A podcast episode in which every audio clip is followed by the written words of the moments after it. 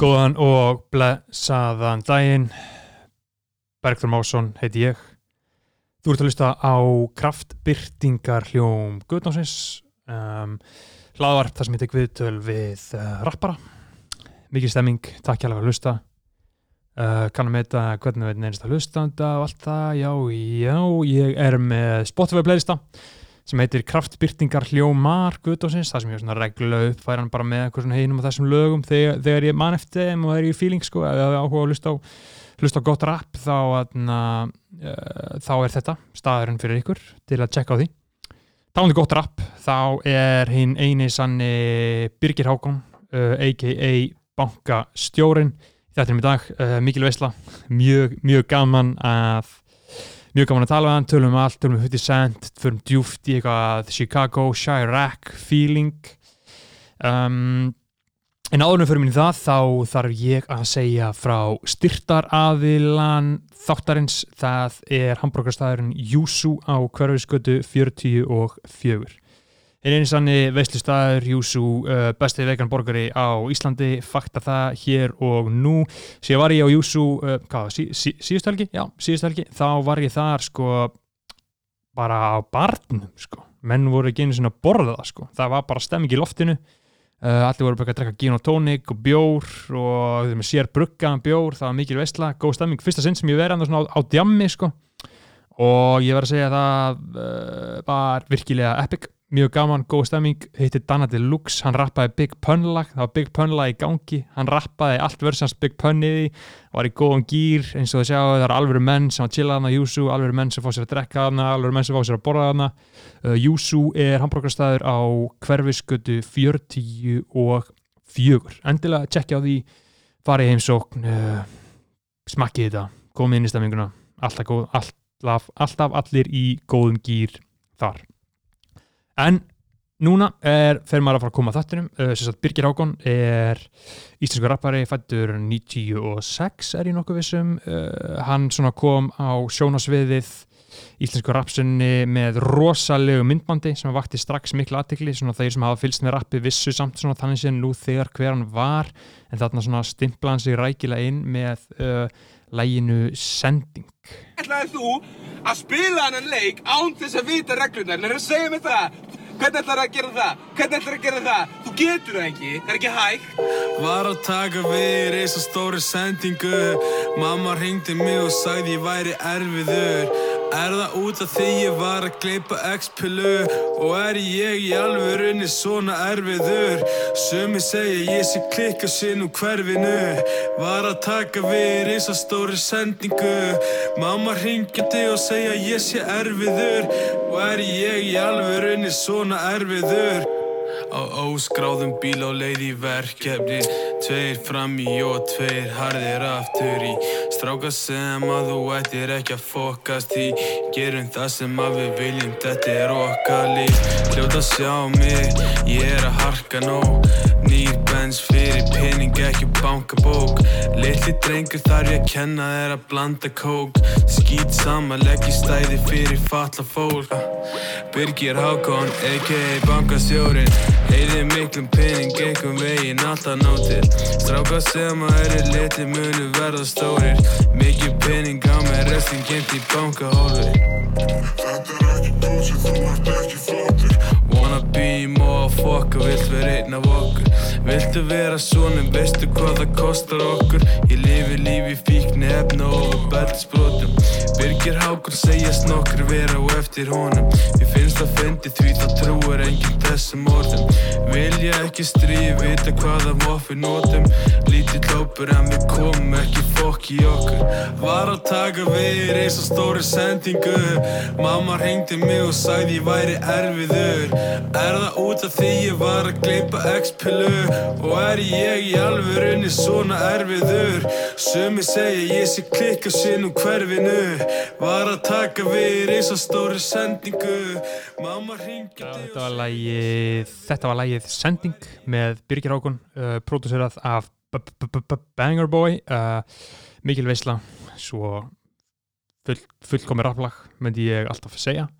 Síðan varð uh, Birgir Hákon alltaf smátt og smátt uh, vinsalari og vinsalari og vinsalari, uh, vann sig svona smátt og smátt upp í svona íslenska rap game þannig séð og síðan þarna nokkur mánuðum setna gaf hann líka út lagið Taka meira út hérna með Inga Bauer Gerist ekki sjálf sér verður að hoppa út Tafla meira upp síðan taka meira út Ú, ú, ú, klíkan rúla djúft Er að færa sétti, já sétti meiti þú Vandamálin elda þá, ég eldi vandamál Þeir að hata á mig, byrja fokkin elda þá Að láta þá hverfa, það væri ekkert mál Fjórum skrifum á undan, þetta skákum át Þessi gauri hata, handa næstum af það já Peningur í bókanum, eins og bankarán Fljótt springur síma þegar að ég vanda hjálp Slaka á þanga til ég fer að saka skrá Taka meira, taka meira, taka meira út Stapla meira upp, taka síðan meira út Stækja þetta búnt, já ég verð að hoppa út Hvað ég greið hakra en minn þú Taka meira, taka meira, taka meira út Stapla meira upp, taka síðan meira út Stækja þetta búnt, já ég verð að hoppa út Hvað ég græði að hakraði meir þú Bó- Bótsæki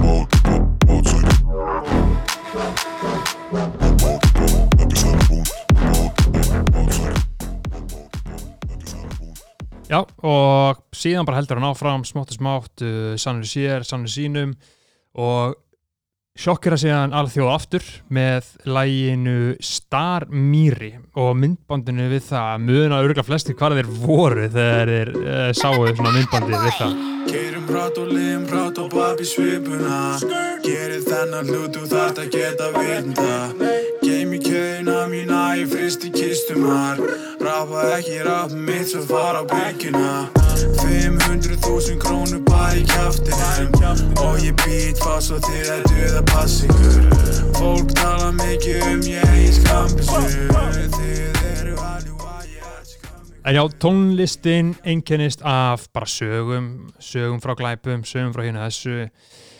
uh, alls konar dóti, mikil stemming, mikil uh, veistla. Ég, ég held að ég þurfi nú ekkert að spila eitthvað mikið meira, hann ætti að vera hlustundum svona nokkuð, uh, nokkuð þekktur. Kanski ég enda þetta á því að spila nýjasta lagi hans sem heitir Haltu kjafti uh, og er undið með M. Khan og pródúsörunum Tommy.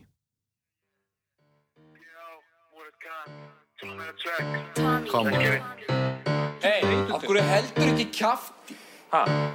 Má ég þá ekki halda áfram með eitthvað? Nei. Haldur kjafti? I was tryna wish for well, but this ain't no wishing well. And I feel like I'm Van Gogh, car. I was tryna draw man's deal. Caught that L like fuck it, oh well. Yeah, yeah, yeah Circle the ends, but I give no mail. Postman Pat tryna send man hell. But these saw balls on the table, and now she thinks I'm a rapper. Look, I ain't no capper, bros get clapper. Old school days it was Mazza. You're not bad, man, your girlfriend's bad up. Been savage like Fred Santana. No stylist like French Montana. And bros in a bando, Tony Montana. Gerir ekkert sem þú talar um svo haltu kjafti You ain't getting money, my bro, that's so hustle kjafti. Talandi um mig og mína klíku haltu kjafti I'm feeling like Stormzy, calm screaming hustle kjafti. Gerir ekkert sem þú talar um svo haltu kjafti You ain't getting money, my bro, that's so hustle kjafti. Talandi um mig og mína klíku haltu kjafti I'm feeling like Stormzy, calm screaming hustle kjafti. Sé það bara í augunum og honum hann er bitch með Engin af þeim vitreik, veit að engin af þeim vitreik Kemur hinn að mér, bless ég er með byssu bara in case Púla upp í genginu mínu í luxusbifrið Af hverju ertu að gráta, ertu hrættu við að deyja Þú ert alveg eins og hinn í gæjan, eitt að fokkin bleiða Mér langar bara að hlaða byssuna mína og spreyja Fokkin taka alla þessa gæja út sem voru að heita Gerir ekkert sem þú talar um, svo haltu kjafti You ain't getting money, my bro, that's so hustle kjafti. Talandi um mig og mína klíku haltu kjafti I'm feeling like Stormzy, calm screaming hustle kjafti. Gerir ekkert sem þú talar um svo haltu kjafti You ain't getting money, my bro, that's so hustle kjafti. Talandi um mig og mína klíku haltu kjafti I'm feeling like Stormzy, calm screaming hustle kjafti.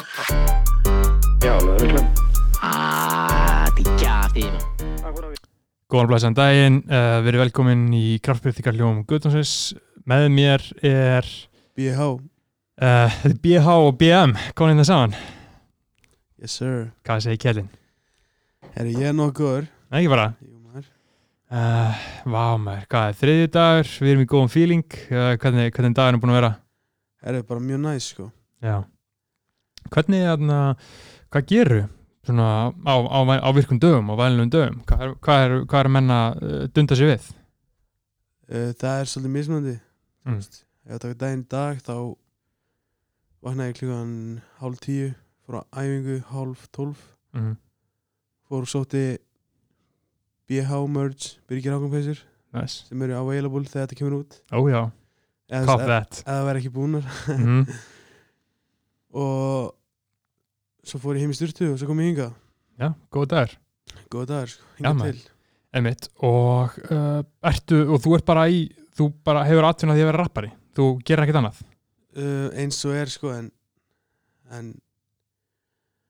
ég veit það ekki, ég kannski stefna á að fara að vinna eitthvað líka Já Við hvað myndir þá vilja að vinna? sko, mér finnst mér finnst, þú veist, gaman að hjálpa fólki Mm þannig að það er svona vandra heimili fyrir börn til dæmis -hmm. það, er- ég á nokkar félag sem er að vinna þar Mm -hmm. Þú veist, ef maður getur gert eitthvað gæfi mun sko, þá er það alveg gaman Einmitt, og þú verður örgulega einmitt góður í því þar sem að þú hefur svona, verið mjög opinn með þína sögu í einhverjum svona vandræðum og svoleiðis já, nákvæmlega einmitt. Já maður, hvernig er eiginlega þarna, ég er svona búin að vera svona að kafa á henni í all viðtölum sem við farið í og allt svona og þetta er alltaf bara nákvæmlega sama þú ert alltaf Já. spurður að því sama já, já, þú veist, hvernig, hvernig finnst þér að tala um þú veist, glæpi og eitthulif og allt þetta dót, verður þetta ekki þreytandi eða? uh, þetta er náttúrulega bara stór partur af öllu skilur, þú veist, Mhm. þú veist, það er bara partur af mér þú veist, en þú veist, að vera spurður að eitthvað svona frétta liði skilur, sem veit ekki shit Mhm. alltaf bara eitthvað, þú veist jafn hissa á öllu, þú veist, það, það verður þreitandi sko. en þú veist, ekki þegar ég er með mínum hóp, skilur, þú veist -hmm.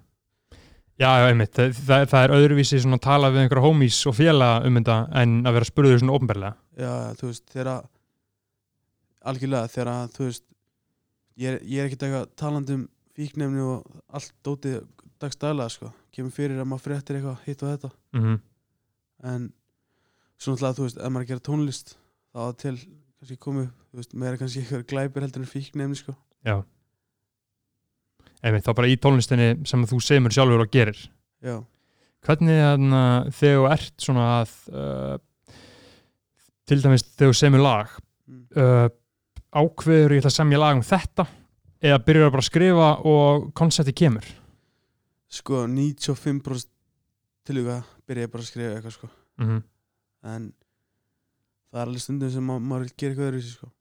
og hvernig er það, hvernig, hvernig er öðruvísi þú veist bara alveg ef maður er, þú veist, að ég er heima eða eitthvað mér líður í ákveðin, ákveðin hátt mm. bara herri, ég ætla að skrifa eitthvað um þetta og Mm. svo kannski verði það að einhverju lægi eða eitthvað koma þessu frá þér mm einmitt, hvenar, hvenar byrjar að skrifa sko, ég byrja að fykta við að skrifa bara fyrir einhvern ungur sko ég hef verið svona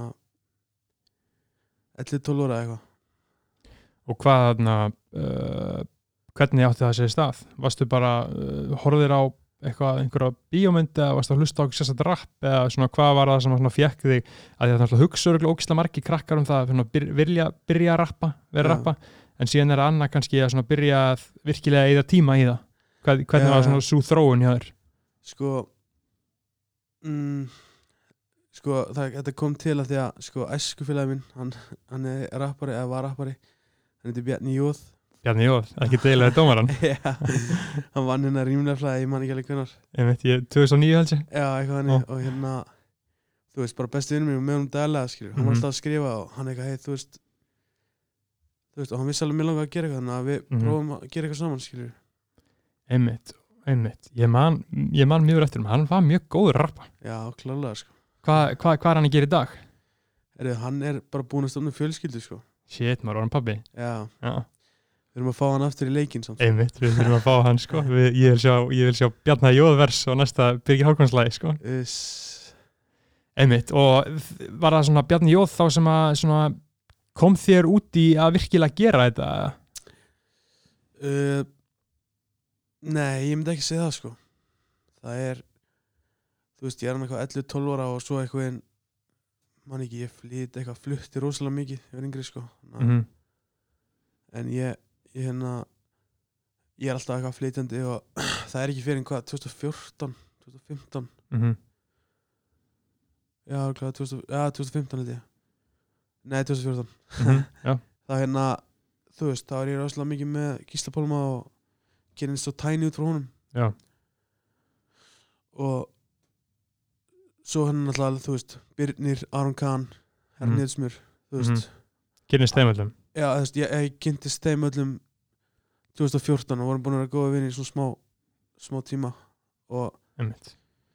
þú veist, að þessum tíma var ég náttúrulega bara dópsali sko, þú veist, og Mhm. ég, ég hugsaði bara ég get ekki verið að fara að sitja með okkur þú veist, markað sko, að fara að selja tónlist eða eitthvað hannig, Mm mér fannst það fáralegt sko Einmitt, þú vildir ekki eh, lafa aðteklina að þér, eða? Nei. Nei. Og hérna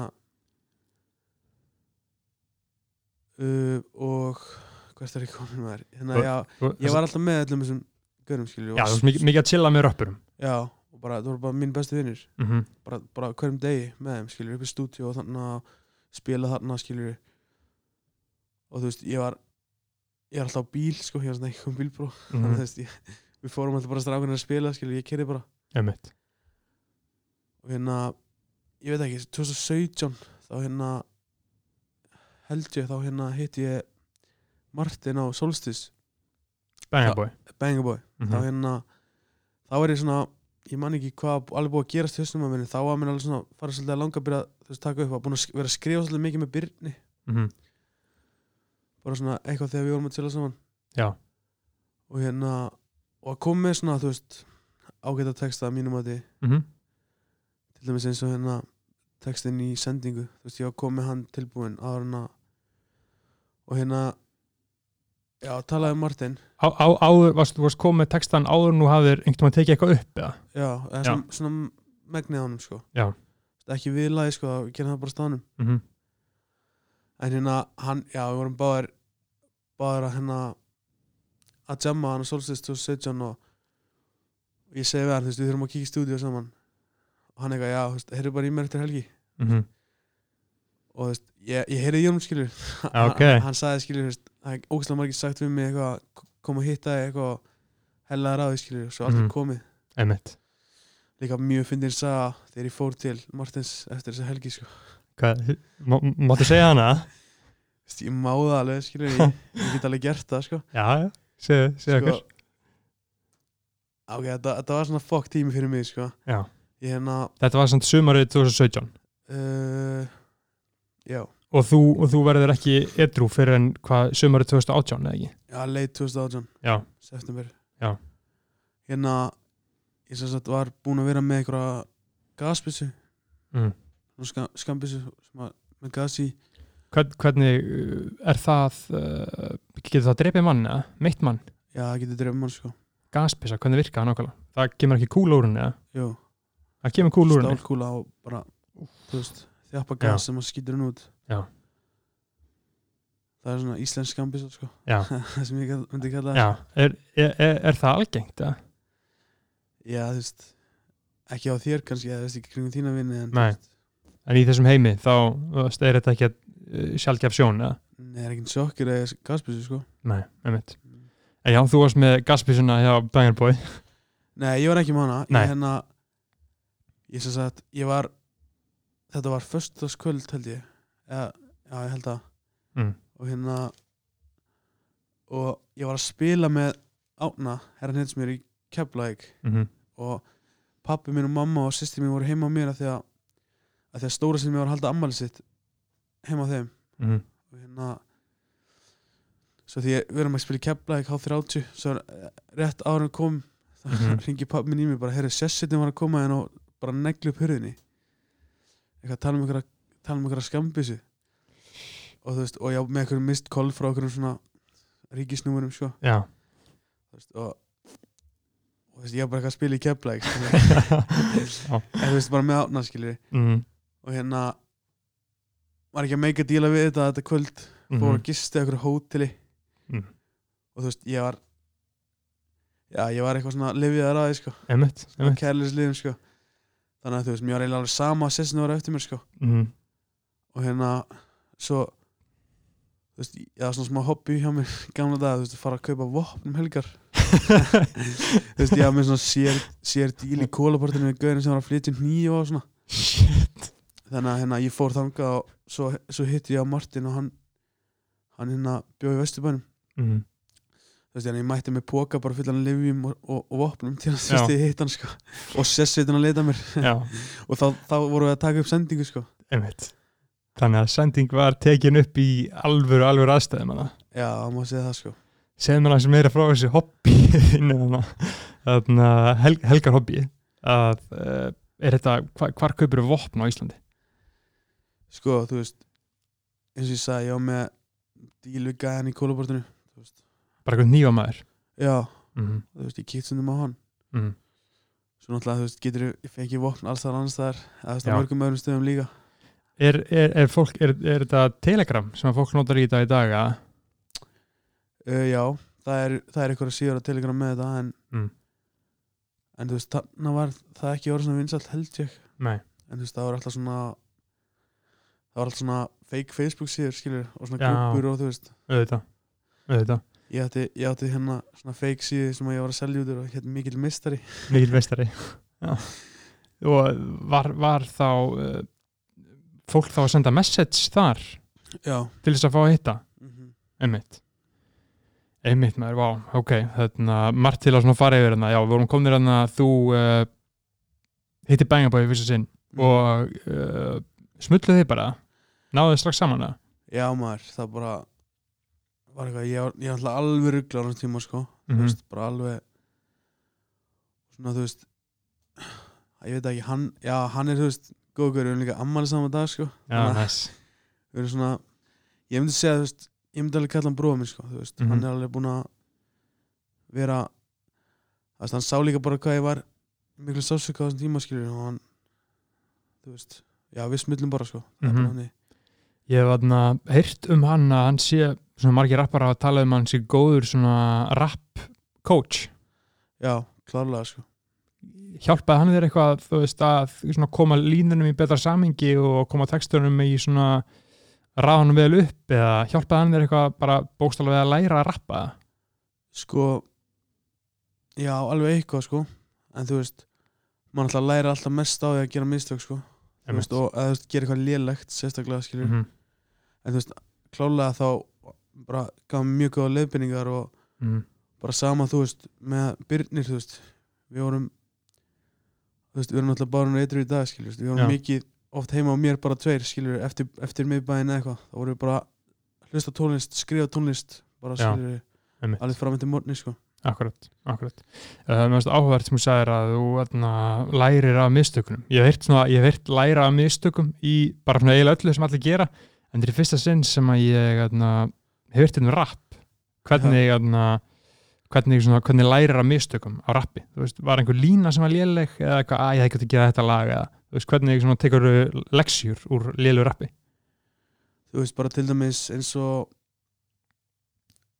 komum bara með hanskólu skilur Mm -hmm. það er þrjár og hálf mínúti held ég ég hef vilja hafa miklu stuttra og þú veist ég hef vilja breyta einhverjum línum skilur Já.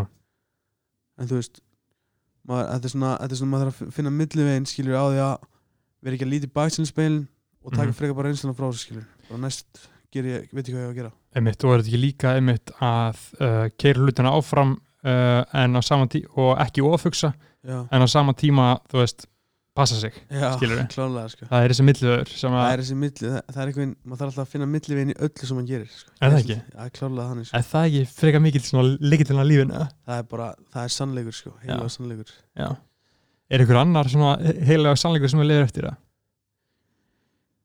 þú veist bara þú veist, þessi klísa sem maður heyrði á mér yngri þú veist, komdu fram með aðri eins og vilt að aðri komi fram með því, mm -hmm. þú veist, þetta er þetta er líka bara fokkin sannleikur sko, þú já, veist að því að, þú veist, ég man hvað ég fokkin þoldi þetta ekki sko Mm. þú veist, það Já. er bara allir að koma fram með mig eins og ég vil að þeir komi fram með mig, en Mhm. ég kem fram með allir eins og ég vil skilur, það Einmitt. virkar ekki þannig mm -hmm. ég var alveg smá tíma að læra það einmitt var ekki sérstök leksja í því eða hvernig lærir það ég lærði það bara á, á að vera fáið sko, þú veist, Mhm. og, og þú veist, eins og flesti vita þú veist, orðspórið sem ég er með á mér skilur Já. en þú veist, kannski ekki alveg mikið núna en, en þú veist ofbeldi og bara svona þú veist, þú veist það er eitthvað svona mesta leksíðan það, þú veist, það tekur langan tíma að losna við það sko. mm -hmm. heldur þú að munir ekkert málun uh, losna við það sko, ég er ekkert að reyna að losna við það þú veist, ég er bara ég mm mm. einmitt en ég veit það ekki, þú veist örgulega ekki Nei. En ég minna það samt, þegar þú horfir á bara eins og, þú veist, Bubbi Mortens, skilur, Já, hann, ég held að fólk hafa leið svona hort á hann sem bara svona mjög svona uh, svona rugglaðan gaur, skilur og síðan núna er hann bara eitthvað þjóðskaldið, skilur Hvern, hver- hvernig sérðu fyrir þér, þú veist, framtíðin eftir 5-10 ár heldur þú ennþá að rappa? Já, þú veist, ég held það sko bara svo lengi sem ég finnst það gaman skilur, Mm -hmm. ég hérna ég gera bara tónlist fyrir mig fattari. Mm -hmm. en þú veist, það er auðvitað gaman þegar að aðrið taka vel í það og gengur vel skilur, hvað finnst þér hann að hvað er skemmtilegast að við að rappa? bara Já. þú veist mér er skeggja skilur þegar að bara ferlið sko, þú veist bara gera demóið, klára demóið mixið, masterinn fá cover, skjóta vídeo, eitthvað hann skilur, Mm -hmm. og svo bara búin að leggja og gefa mikla vinnu og svo bara koma sér frá sér einmitt, ok, já. en, en, en hína hliðanar, eins og bara þú veist að uh, semja lagið uh, eða allt svona sem að fylgir eftir, því, skilur það er, það er gott svar sko ferlið er náttúrulega, þú veist, uh, það mikilvægasta í öllu, skilur, Já. það á að vera skemmtilegasta en hvernig finnst þér eins og uh, fræðin og allt svona sem að fylgir því- fylgir því að fólk svona, fylg, svona fólk síni þér aðtigli Sko það er svona það er bölvun og þú veist það er svona blessing in disguise skilur mm -hmm. þú veist maður á eftir að þú veist ég var lendið að þóla ekki skilur Mhm. maður þarf alltaf að passa hvað maður er að gera Ma- mér- manni finnst bara sem maður þurfa að vera fullkomin Mhm.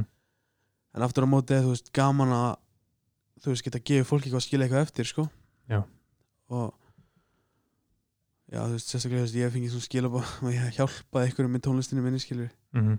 Þú veist, það er auðvitað gaman að fá þannig og þú veist og líka bara viðsnúningurinn frá mér skilur Mhm. bara saga mín að hún, ef, ef hún hjálpa einhvern veginn þú veist það var bara geggja sko Mm. Hefur þú öðna, uh, berðið þér saman við einhvern veginn? Langaði til að vera eins og einhver? sko það er náttúrulega mjög óvöld að bera sér saman með einhvern annan sko Mhm. þú veist ég á til að gera það, Mm -hmm. en en þú veist eina svona þú veist eina sem meika sens að bera sér saman við er bara ég fyrir einhverju síðan sko Mm -hmm. þú veist af því að ég er ekkert að góðum stað, stað ég er að bera mig saman með aðra sko þannig að ég reyna að gera það ekki sko Einmitt.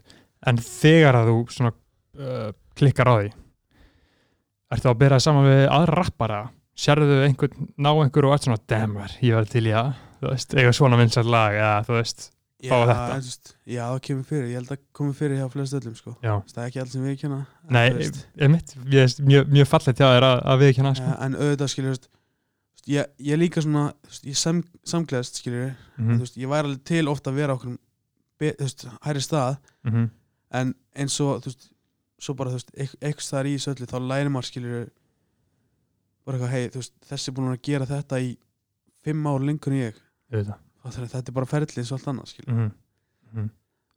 hvernig hérna, uh, hvernig sérðu sjálfa þig svona inn í senunni svona í, í, í, í þannig séð sem samanbörðið aðra sem er á ekki að vera í en svona uh, horfiru á uh, hor, horfiru á svona þig sem svona jafningi allra eða er eitthvað fólk sem þú lítur upp til eða lítur niður á við, n- lítur niður til ég, Já, þú veist það er alltaf eitthvað hannig sko Mm. Þú veist, ég ætla ekki að fara að nefna eitthvað nefna eitthvað hannig skilur en þú veist, mér finnst ég bara vera góður leið með að vera nummer eitt sko Já. Þú veist, uh, nummer eitt þá hvernig bara besti rappar í Íslandi og þú hugsa bara um þig uh, frekar sem rappara en tónlistamann hvernig, hvernig pælir þið því? Æ, ég veit það ekki, þú veist, ég er ekkert að labela neitt sko Þú Nei. veist, Rappari, tónlistum maður Ég Já. er búin að gera svolítið mikið að rapp undanfæri Mm -hmm. mm. bara svona straight rap þannig að, Mm -hmm. þú veist, í dag kallaði mig rappara skilur heldur muni einhvern Veist- veginn að þróast í aðra átt eða Þú veist, ég er tónlistum maður, nummer eitt skilur mm -hmm. en, til tónlist bara Já, þú veist, Mhm. þannig að pottið einhvern tímann, þú veist, og svo tegund af tónlist er rapp já þú veist, og þú veist, ég, ég efast um að ég fari í eitthvað pop, skilur við, þú veist, það er aldrei að vita Nei. en ég meina eins og þú veist til dæmis bara svona taka meir út Já, það er bara pop, ekki? eða það er svo, eða þú skult að rappa á því, skilur við? ég er að rappa á því Já. það er að rappa, Já, einmitt, einmitt, og rapp er pop og pop er rapp, já, skilur við? já, já, Þú ok, veist. ok, við getum að vera í samanlega þar, sko Já. En þú talar um uh, uh, nummer eitt. Hva, hvað er það fyrir þér að vera besti rapparinn? er það að vera að búa til bestu rap tónlistina Eh, er það að rappa best eða er það að vinsælustu tónlistina eða hva, hvernig sérðu það Ég veit það ekki, ég held að sé bara svona innra með manni sko. bara svona, þú veist, þetta er betur en allt sitt sem búið er að koma út mm. þú veist, og sama hvað þú veist, hvert það fer, skilur nummer 1, nummer 50, skilur það er bara þú veist, bara, bara það sem mér finnst, skilur einhvers konar atna, einhvers svona tilfinning fyrir ég bara að vera bestur eða? já, og þið líður núna eins og sért nummer eitt ég er góður leiðan það góða leið uh, hver hver er þessi verið nummer eitt eða svona, hver- hver, hver er samkjöfni skilur hver finnst þið vera svipaður og þú uh, það fer að einlega svolítið mikið eftir tölum, sko, eða fattar ég mm -hmm. þú veist, Birnir, herrn Hetsmjör þú veist einmitt, einmitt. En, en, en, en þú segir að fyr- fyrir þetta tölum ertu að tala um bara Spotify hlustanir og eitthvað Instagram eða ertu bara að tala um, þú veist, hvort þetta að tala um að svona að ranka þetta eftir tölum eða þá bara eftir svona tilfinningu bara hver er að rappa best, skilur bara bæðið, sko, já, er þetta ekki svona samblandi af báði jú, klálega einmitt eins og að na, þú veist, mikið svona í bandaríkinum svona uh, hver er nummer eitt, skilur hver, Já. hver er sem er nummer eitt í bandaríkinum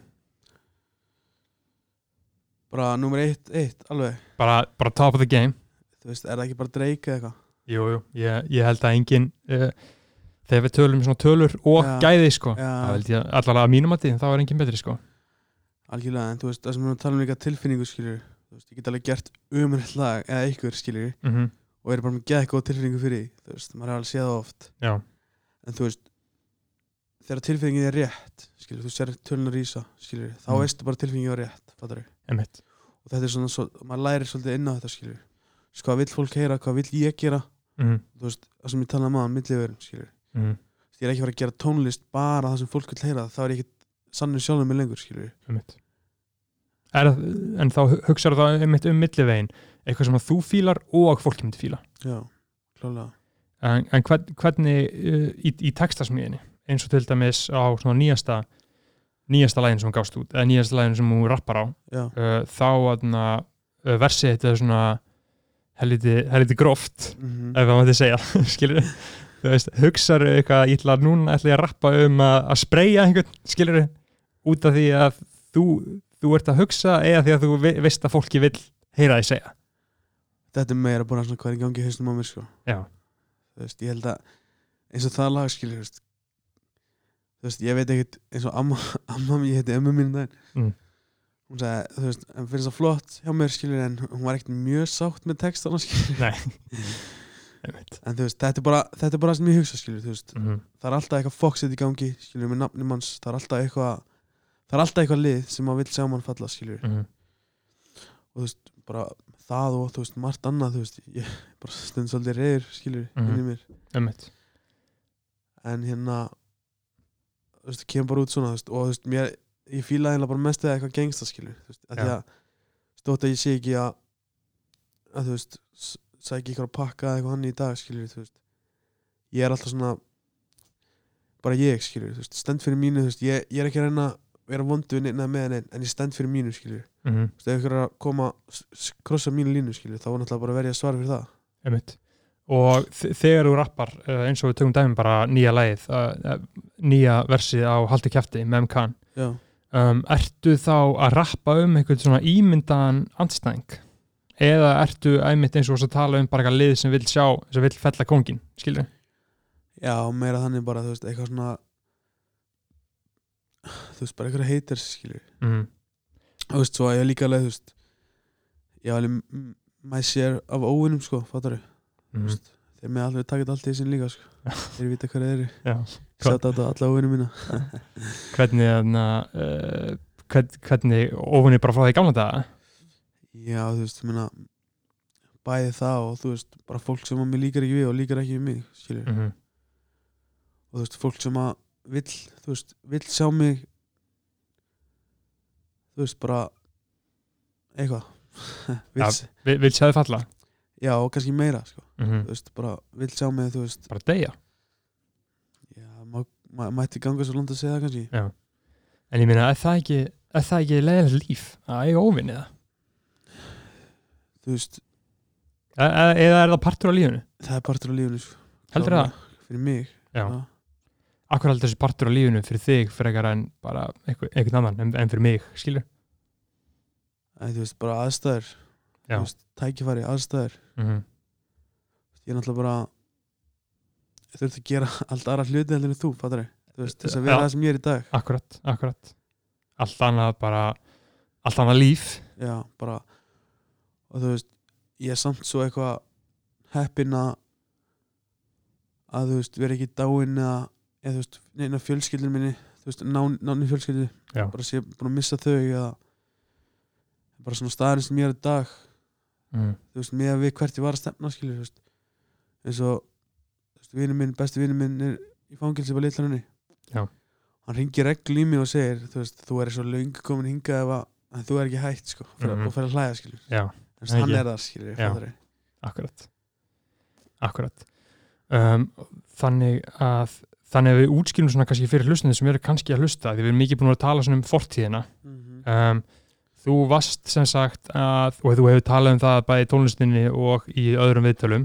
að þú sem sagt hefur verið að í eiturlefja sölu og neyslu já, hvað, hvað, er, fimm ára eða eitthvað já, eitthvað hann eitthvað svona í, í, í kringu fimm ára og það hefur verið svona bara en við svona þannig að einhver skildi vera að hlusta á öðbrekk og alltaf fóða hvað er að tala um skilju já, já, en já maður, allt annar aðstæður og allt annað svona uh, líf sem að hver og eitt svona elst upp við og þú varst að tala um að þú ert svona þakkláttu fyrir það að svona, vera komin út úr þessu og það er engin raunvörlur varanlegu skaði eða er, er rétt að segja það?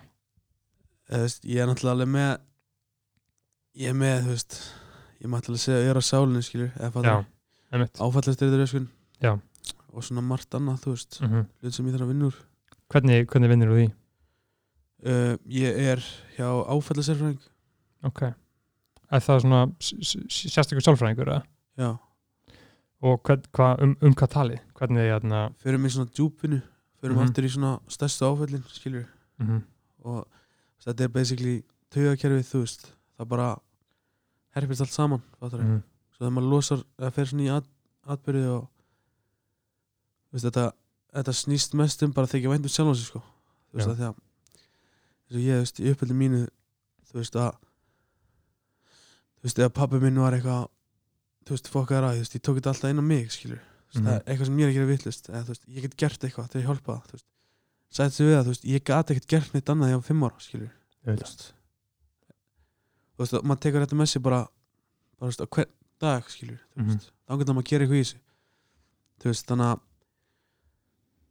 þú veist og þú veist, það er allir svo miklu töffarar í þessum heimi til þess að fara eitthvað að taka, þú veist og þeir enda alltaf bara allir döður, skilur Mhm. þú veist, þeir alltaf, alltaf fara að gera eitthvað þú veist, alltaf vera edru ná að vera edru í smá tíma þetta aftur í það, versnar og enda bara að deyja þú veist, ég sé þetta svo oft, sko Er það því að menn vinna ekki í sér? bara klárlega sko þú veist og bara taka til í lífinu sinni, taka til í hausnum á sér skilur, Mm þetta er alveg hægt sko þú veist ég, þú veist, ég er að lifandi sönnu að þetta sé hægt þú veist, snúa bara algjörlega við blæðinu skilur -hmm. það er alveg partur af mig sem vill þú veist, ég er að sjá okkur sem er, er að ganga vel og er að kaupa sér glænjan þú veist, 12 miljón kronar bíl þá langar mér, þú veist, og kannski gaur sem að, sem að var að vinna fyrir mig, fyrir nokkrum árum skilur, -hmm. það er svona partur af mig sem vill bara fara og taka yfir þessu öllu aftur skilur Get back in the game Já, bara þú veist, hvað þú veist, er ekki að, er ekki að pæla neitt í mér eða? Fattar þig? Já, Er ég búin að gleyma mér eða? mm Þú veist, Það er bara, þú veist, ég komið til að tala, sko. Þú veist, Já. Ég þarf bara að slökku því, þeim hugsanum strax, sko. Hefur einhvern verið nált í að uh, snú aftur það? Það er komin okkur sem fyrir, sko, maður hefur tæpur. Já. En þú veist, þetta er svo stórt skref, sko. Fattar þig? Mm. Er það ekki? Já. Er einhver sem að eh, selur eiturlif en notaði ekki? það? Já, það er einhverju, sko. En þú veist, ég var þannig í smá tíma að ég notaði bara um helgar, ytra á virkindum og bara Mhm. selja þá, skilur. Já. Svo náttúrulega bara, neyslan er svona stiga vestnandi, svo bara allt í hennu, þú veist, en maður bara búin að strauja 8 miljónir á 3 mánuðum, 3-4 mánuðum Mhm. sem maður er búin að vera kannski í ára samna skilur eitthvað En er þetta þá, einmitt, þú, þú þá vinnur út úr þessu, þú séð marga koma og fara, hvað gerur annað uh, bara til að láta þið líða vel í dag, annað en uh, sálfræði meðferð, hvað sér, áfalla meðferð, já, áfalla sérfræðingur áfalla Mhm. sérfræðingur, uh, hvað, hvað gerur annað? uh, ég er bara með jágætt viðhorf, þú veist, ég trúar kristin trúa Mhm, og þú veist, í sambandi við Guð, þú veist, það hjálp mér mhm, svo er ég bara að reyna að vera til stað fyrir fjölskyldum minna, þú veist kannski bæti upp fyrir eitthvað sem ég hef gert Já. þú veist, bara, þú veist, það er bara svona eilíðar mission fyrir mig gegn fjölskyldum minni, þú veist, mömmin og pappa og mhm, þú veist, þótt að þótt að þú veist, að, það virka bara að búa skilur þú veist, að, að ég hef gert eitthvað um eitthvað og hann er gert mér, þá reyni ég samt bara að vera besta útgáðan sjálfur mér, Já. þú veist, á móti og þú veist, ég, ég reyfi mig bara holdt og bara, þú veist reyna, þú veist, gera eitthvað sem að gera mig hamingi saman, þú veist mhm. Hvernig, þarna, segð mér hans frá uh, trúnni, kristintrú mm. uh, hvernig yfkaru hana og hvernig, hvernig, hvernig svona skilgerinu hana Hva, hvað er Guð fyrir þér Guð er bara, þú veist bara það sem er gott, fattar mm, eða, þú veist þú veist, ég trúi bara ef að, ef að hérna Guð var ekki til, þá hefði ég ekki komist í hennum all, allan að viðbjóð, sko og þú Já, veist, að sé einhverja aðri máttur þarna sem leiti í gegnum bara þetta basically erum áttur, þú veist ég, ég er ekkit eitthvað svona ásett trúið sem fer í fer í hérna kirkju hverju sinni degi eitthvað skilur eitthvað mm Mhm, þú veist, ekki, ekki að það sé ásett trúið samt, en hérna Nei. en þú veist, ég er bara alveg upp í kristin trú og þú veist, þú veist ég byð á mótnana Biður Guð um það sem þú vilt að gerist eða? ég byð hann bara um að hjálp mér að vera besta útkunni sjálfum mér og ég góðan dag og byð hann um að passa upp á fólkið mitt Mhm. ég er ekkert að beða hann um nýjan bíl eða eitthvað þannig skilur Nei. ég er ekkert þannig Einmitt, þú þarf þetta að raun særi sko um já, Já. já. Já. svo þakka ég fyrir mig fyrir daginn og kvöldin Emmitt þetta eitthvað einn léttir mjög mikið á fyrir mig allavega mm -hmm. þú veist að bara að treysta Guði skilur Hefur alltaf verið trúaður eða? ég hef alltaf trúa Guði þótt ég hef ekki alltaf kannski verið í miklu sambandi Já. Fattarðu? Emmitt Hvernig finnst þér um svona hvernig, hvernig, hvernig eru bara vinnin og fólk í kringu Það ekki er margir sem trúa á Guð eða? uh, já, þú veist en þú veist, maður kannski talar ekkert um það bara dagstæðilega bara eitthvað að maður trúa Guð en, Nei en já, það hérna það er alveg í kringum mig sko mm pappi minn trúar Já. og þú veist besti vinn minn sem er upp á litlarinn hann er trúar mm. alveg upp líka í kristin trú ég trúi að þetta sé uh, mjög svona mjög gott að hafa kristnu, kristnu trúna í eitthvað svona sko. já klálega sko og ég bara eh, hef, hef ótt eitthvað reynt svona eh, komin inn í þetta sko. mm. en hef aldrei svona uh, fund, fu- fundið kannski réttu leiðina eða svona fundið ég veit ekki hvern, hvern, hvernig, hvernig getur fólk byrjað að trúa á Guð getur fólk bara byrjað að trúa á Guð þarf þetta að gerast, þarf þetta að ge- gerast eitthvað, eitthvað fyrir eða hvað, hvað það að gerast ég held að fara bara svolítið þetta manneski sko þú Já. veist, þú veist það þarf ekki endlega að vera Guð bara þessi æri máttur fattar mm veist, eitthvað, eitthvað meir en þú af því að ef þú trúir bara sjálfa þig þá oftast, þú veist, hugsaður bara um sjálfa þig skilur -hmm. en, en þú veist, lefur búin að viðurkenna að þú veist, þú ert ekki bara helsta afli í heiminum, sko, Mm þá ertu bara búin að taka allavega eitthvað skrefi að viðurkenna að setja til eitthvað annað, sko -hmm. þú veist, ég, ég peppa allir trú að trúa eitthvað aðra, sko, þú veist, það þarf Já. ekki að vera guðu kristin trú, alla búta, skilur það Einmitt. er bara, bara það sem þú trúir á, sko að sé einhver aðri máttur að núti já, þú veist, að- eins og þú veist ef maður byrjar að pæla, þú veist, maður tengist aðra mætti og maður, maður byrjar svona að hugsa, þú veist þú veist, ég, í mm. mínum einn mætti fattar Já. allar ákvarðin sem ég hef tekið sjálfur og þú veist, allar að gera bara eitthvað þú veist, það er aldrei komin að góðan stað skilur Mm. svo maður hugsa svona að maður sé kannski að þjóna einhverjum æðri tilgangi Já. fattarðu?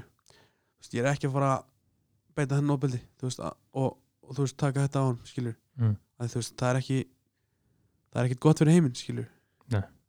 þannig að einmitt, það er filosófjan já, einmitt þannig að þannig við förum aðeins svona, reynum að reykja aðeins svona líðitt línulega þú ert allt, þú ert alveg upp í breiðoltinu Já, ég er ég er búinn að búa út um allt sko en mest í bara svona sami vinnum minni talaði um maður Bjarni Jó, hann flutti þegar hann held ég 11 ári bregðaldi mm -hmm.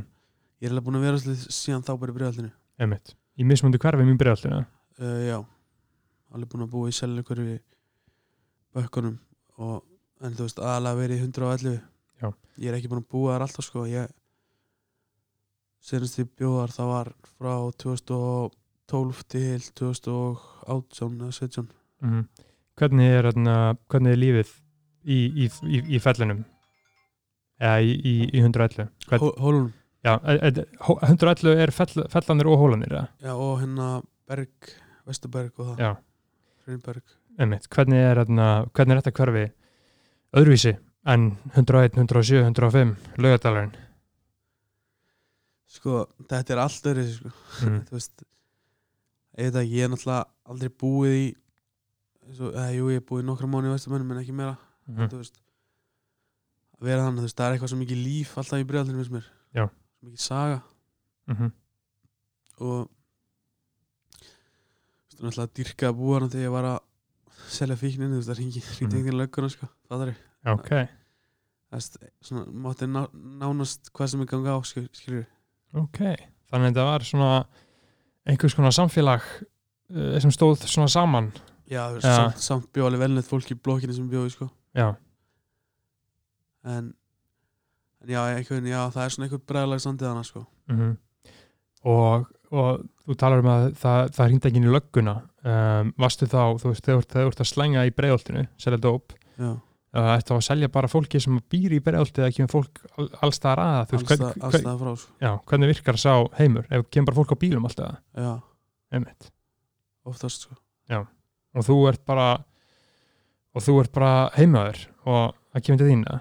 já, fór alltaf í næst, næstu blokk, oftast já, það ekki Svo, Það- svo er búin að hitta 15, 16 kannski einu degi þá segir bara, "Æ, fuck, it, hvað þú bara fyrir þetta það er alltaf, já, það er alltaf að bróta bóður hans byggi, sko Já, klárlega Númer sko. 7, hann Já. segir hérna Never sell no crack where you rest that I don't care if they wanna ounce, tell them bounce sko. Klárlega Einmitt, þannig, já, breiðaltið þannig að það, er, þú lýsir því sem svona nokkuð svona bara allt öðru sem önnu hverfi Já, þú veist, fólk einhvern veginn líka þú veist, fólk sem að mikið af fólk sem býr í breiðaldinu þú veist, það hafði ekkert annað val aðri, mm heldur hann að búa í breiðaldinu og hvers, hvers vegna bara kannski fjárháslegar ástæður eða, Mhm. eða þú veist já, fátækt og svona Já. þannig að þannig að þú veist, maður einhvern veginn veit ekki, það er svona sterkari kjarni meira, Mhm. meira svona samstæða einhvern veginn standa, standa, standa saman og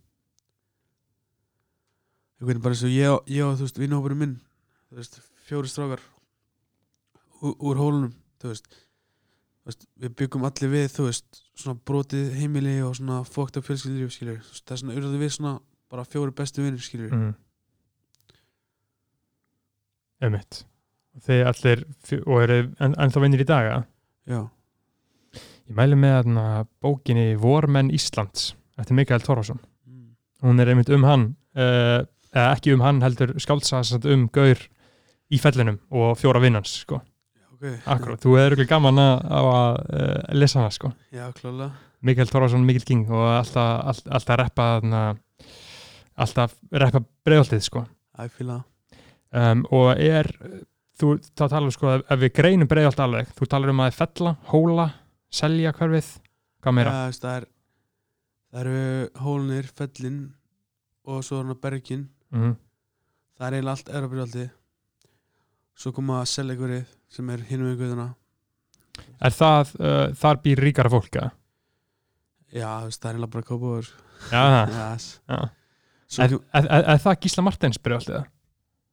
uh, ég bara veit það ekki sko. Nei en, hérna, en þú veist, já, það er hann að hinum við byrjaldsbyrjaldina mm þannig að, Já, ég er bara að kópa þér já, þetta er svolítið þetta er svolítið svolítið svona divided frá eins og eðra byrjaldi mm -hmm.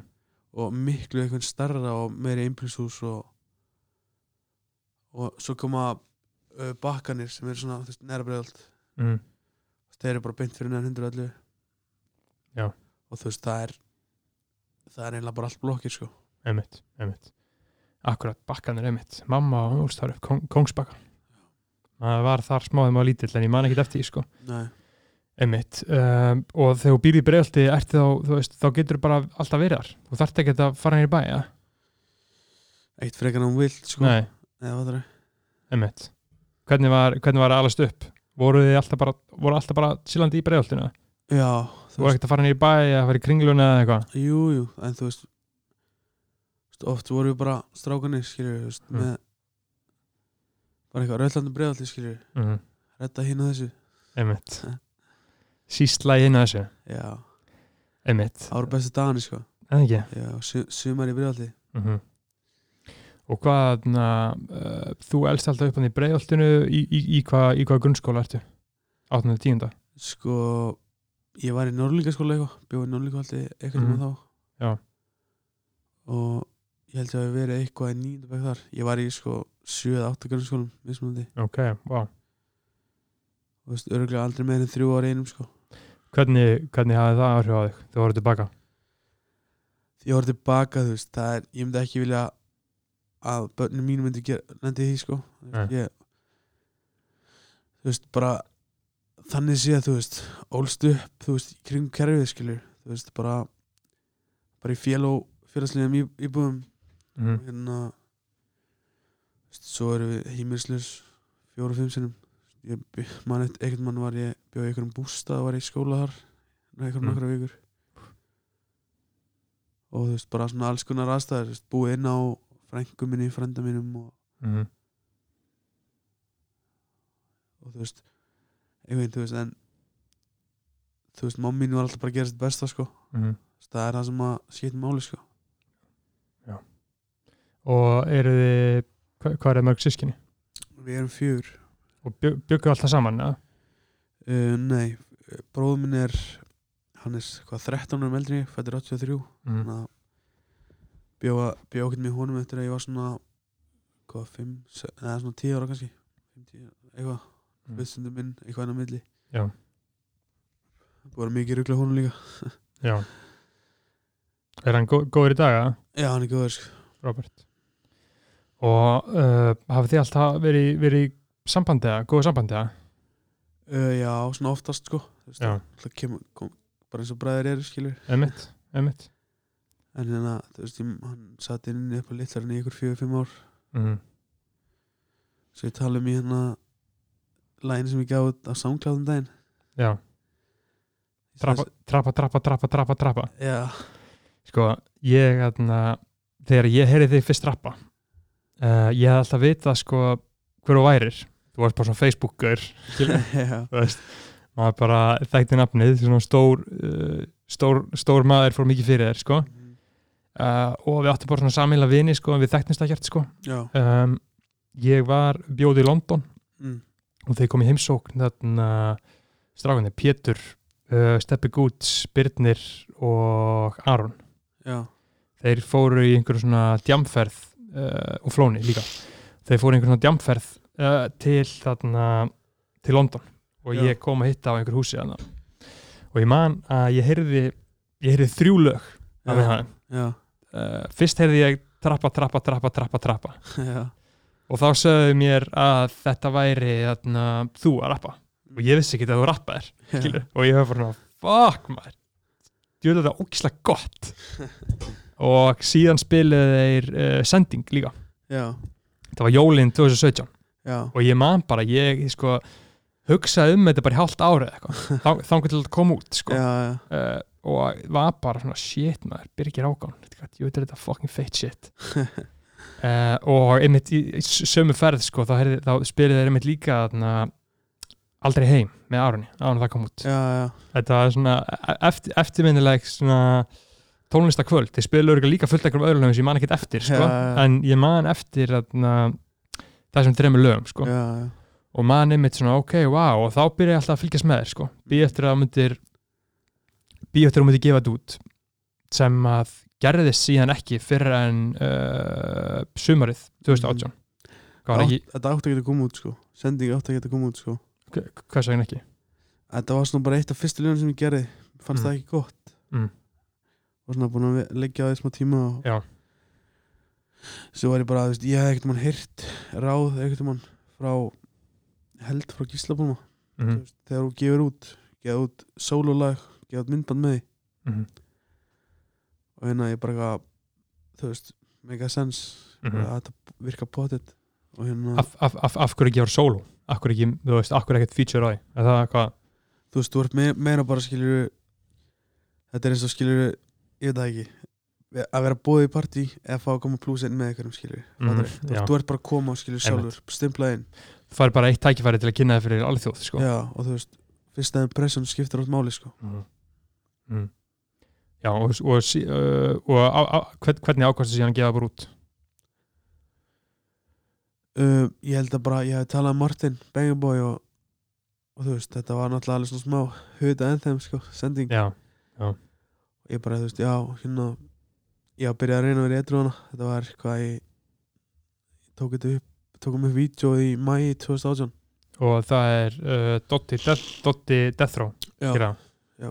hvernig, hvernig kynntist þið við vorum búin að taka einhverja myndatöku mm. eitthvað halva ári fyrir eða eitthvað og ég man ekki hver benti, það benti mig eitthvað á hann sagði hann var að gera eitthvað næs Mm dót sko líka svona authentic gaur skilur, svona akkurat. hrá- hráan stíl og það hefur svona genuine áhuga á Já. svona jaðar Dotti og líka þú veist svona þekkir hans þess að þekkir hann heim líka skilur, Já. þannig að hann veit veit ímislegt þannig að er þetta ekki fyrsta tónlisminnband sem hann gerir það? ég man ekki hvort að hann var búinn að gera með Byrnu um sig gauta eða eitthvað ég held að það hafi komið setna sko, já ok, í nokkuð svona jú, e- eða ekki bara Jú. ég held að, -hmm. Já, og þá kemur lagið út uh, á YouTube, síðan Já. Spot- Spotify já já og það er alltaf sko þegar að lagi kom út á YouTube þá hérna, þá var ég heimilislaus fuck bjó bara, bjó bara inn á vinum mínum bara, mm, þannig átti svona tveir sem tveir rúm sko þannig að Já, ég átt bara að gista þar og búin að, Einmitt. búin að missa heimilið bara út af þú veist ruggli og mm, ég er handtekinn að sessetin en að það sem ég bjó í Árbæ uh, já svona byrjun byrjun hérna 2018 mm.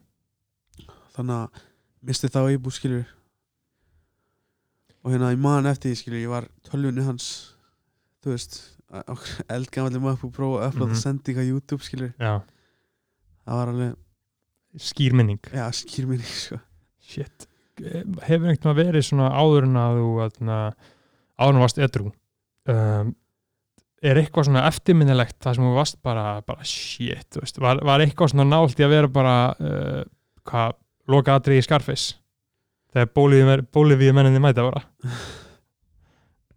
já ég er alveg nokkuð þannig moment sko Er eitthvað, er eitthvað sem þú vilt deila með fólki eða? Ég veit ekki hvort það er heima eins og þetta sko. Nei, bara ekkert, ekkert stress sko, ekkert stress sko. En já maður, þarna, Vi, Við getum kannski sagt eitthvað og kannski klippar það út eða eitthvað, ég veit það ekki nei, nei, s- sleppið við bara, við, Mm. þarna, það, það er í góða læg sko. En þarna, sending kemur út, Já, síðan var náttúrulega skrifað uh, vísisfréttum það, maður setið því. uh, já held það Ég náttúrulega var að vinna á vísi á þessum tíma Já, uh, og sá myndbandið og fannst þetta bara að vera fréttnæmt.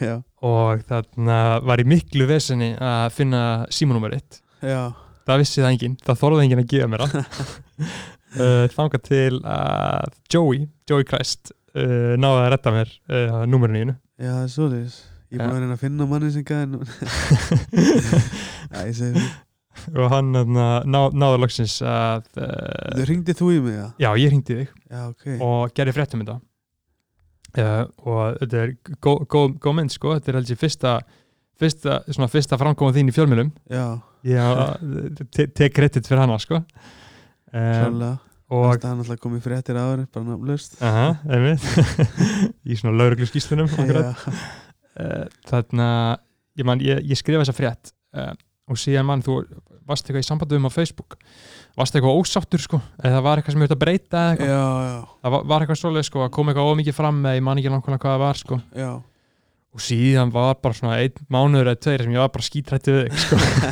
það sem ég var alltaf bara svona oh fuck, sáði einhver starf og var bara svona æ nei shit eitthvað, ó nei Guð, Það eru svo fokkin margið þannig bara ennþá í dag, sko ég man sko En þú sé, veist, sérstaklega skýrt eftir þetta var þegar solstis var Já. ég sá þú á solstis og sem betur fer sko tengdir þú ekki andliti nafn skilur Já, já, við hittumst en ég held, og ég, ég held að þú væri ekki hægt ósáttur út í mig skilur þannig ég var skítrættur að hitta þig en samt bara heitt svo heilsuðumst skilur já, já uh, og síðan gerist það aftur ég man sérstaklega eftir því þegar ég var mjög hrættu við þig sko uh, á sem sagt fyrsta giggi klöpt upp ever á aðna Robba Kronik uh, þegar hann var með Boxpark Já, hann í skifinni já, í skefinni já. ég man eftir að hafa hitti þar og Já, þá, ég þá, man ég líka til að hitti þar já, þá, þá, þá sagði ég við þig bara eitthvað, hei, þarna, ég skrifaði fréttina manstu þig eitthvað, Já, Þa, það var svo bara chillar skilur, ég, ég, já, ég man ég sá þig ég var, þú var ekki að stressa og ákvað bara hey fuck it, eitthvað, fyrir bara að kynni mig segi Já, bara ég skrifaði klálega. fréttina og ég meina, sí- síðan höfðu bara verið góðir eða ekki klálega sko Þú veist, ég, er- ég er svo slagur já, gæði sko mm, fólk heldur alltaf þessi allt öðru sem ég er sko mm, Þú veist, sem er kannski gott, kannski slæmt við það ekki mm.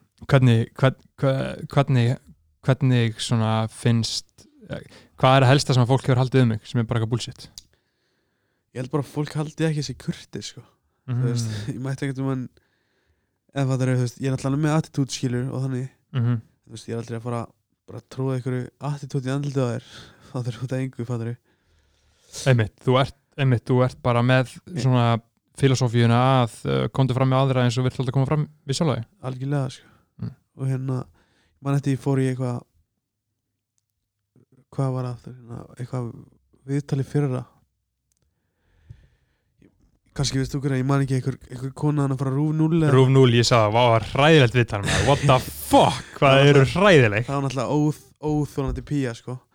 sko ég hún hafði samband við veit ég hvort ég var að segja þetta eh, you fuck it hún sendi M- MC Gauta SMS að ég hef verið út og kókaður í viðtalinu svo þetta á kókaðinni ha, hún hefði séð það á mér þú veist ég var búin að eitthvað í árana já what the hvað, mannstu hvað hann heitir? Uh, já, ég vil samt ekki endilega vera sko, svífir hann hérna ofnberlega, skilur Dro- droppaði því. uh, ég skal segja þér eftir, eftir á en ég, ég, hérna, ég horfði á þetta uh, rúf 0 viðtal og var einmitt bara svona, vá, hvað þetta er skrýtna spurningar, þetta var Já. bara Birgir Hákon, þú varst í dópi Já. og síðan bara verður þú bara dópist í að eilífu þetta var bara, Já. eitthvað, what the fuck og líka hann að gæin hana sem var hana já, það voru tveir gaurar já hann að hann er haffi held ég Já. hann, hann er breið allir sko Já. hérna þú veist, hann hef aldrei hitt mig á þér mm Mhm. veist, ég veit, veit hann að hann var að vinna í félagsmyndstöð sem bæsjástum í mm -hmm. og hérna ég kom bara hana inn og bara hilsaði og bara já takk fyrir að fá mig eitthvað svona kjátaði bara eitthvað basic svo bara droppa, droppa hann í endan af viðtalinu bara djúll ertu næs skoður maður já, þú veist allt öðru sem ég held og, þú veist, mm þá var ég bara búin að vera bara þú veist slagur á kanti já bara þú veist bara eins og ég er venjulega skilur Mhm. ég held þú verið allt öðru sem hvað átti ég að labba einu og sparka í purðinu eða fattar ég fatt ekki alveg hvað fólk held takk þetta fokk í viðtal já, En þarna, finnst þið þú verða fyrir uh, fordómum af svona einhverju svona típiskum í- forréttinda Íslendingum sem að veit ekki sétt um hvað þú hefur svona gengið í gegnum og alveg stöpið já klárlega sko þú veist fólk heldur sem þeim að að ég veit það ekki þú veist fólk bara fólk hefur alltaf einhverja skoðun sko mm þú veist, að, En, en, en hva- hvað hvað finnst þér um svona uh, á Íslandi þá er oft svona talað um það, margir tala um það að hér sé ekki stjættaskipting uh, Hvað finnst þér um það? ég er ekki alveg samanlega sko það er alveg klárlega sko. stjættu Mhm. hvernig, hvern, hvernig finnst þér hún aðna, hvernig finnst þér hún svona koma fram hvernig sérðu mismöndi svona stjættir á, í Reykjavík þú veist bara þú getur tekið bara ég sé- mér sem dæmi skilur mm. mm. strákana þú veist bara bara lifa mánuð til mánuð skilur Já. með hérna fjölskyldinu þú veist þurfti bara að harka ef maður vildi fá eitthvað fattarðu? mm. Þú veist, mér finnst það myndi áhverð eins og þú sagði með uh, breiðolti að fólki sem að býr þar hefur ekki- kannski- getur ekki eitthvað flutt eitthvað annað já algjörlega það er alltaf bara sjúklað mikið af félagslegum íbúðum Mhm. í breyðafyrir sem að fólk fær bara og, já og og sátt með það já þú veist ég meina mér liði vel í breyðaldi ég vil flytja þangað aftur sko Já. komin íbúðar mm -hmm. hvar, hvar býr núna? býjum úr svo Mosó, hvernig það? það er bara heldur næð sko Já, ekki bara kósi, já það er kósi sko mjög Mhm. kósi bara að vera þar hérna einhvern allan tíma þú veist mm En þú veist, ég veit ekki hvort ég vilja ala upp börn eða eitthvað hannig í breiðallinni sko í breiðoltinu Ég hundur öllu, þú veist Mm. Það er kannski svona senni tíma pæling Já, en, en hvers vegna ekki? Þessi, ég, meina, ég, ég er bara búin að vera hann ungur og búin að vera hann eldri og þú veist Mm mm. Leitla sem mín skilur og þessi áhrif skilur, þú veist bara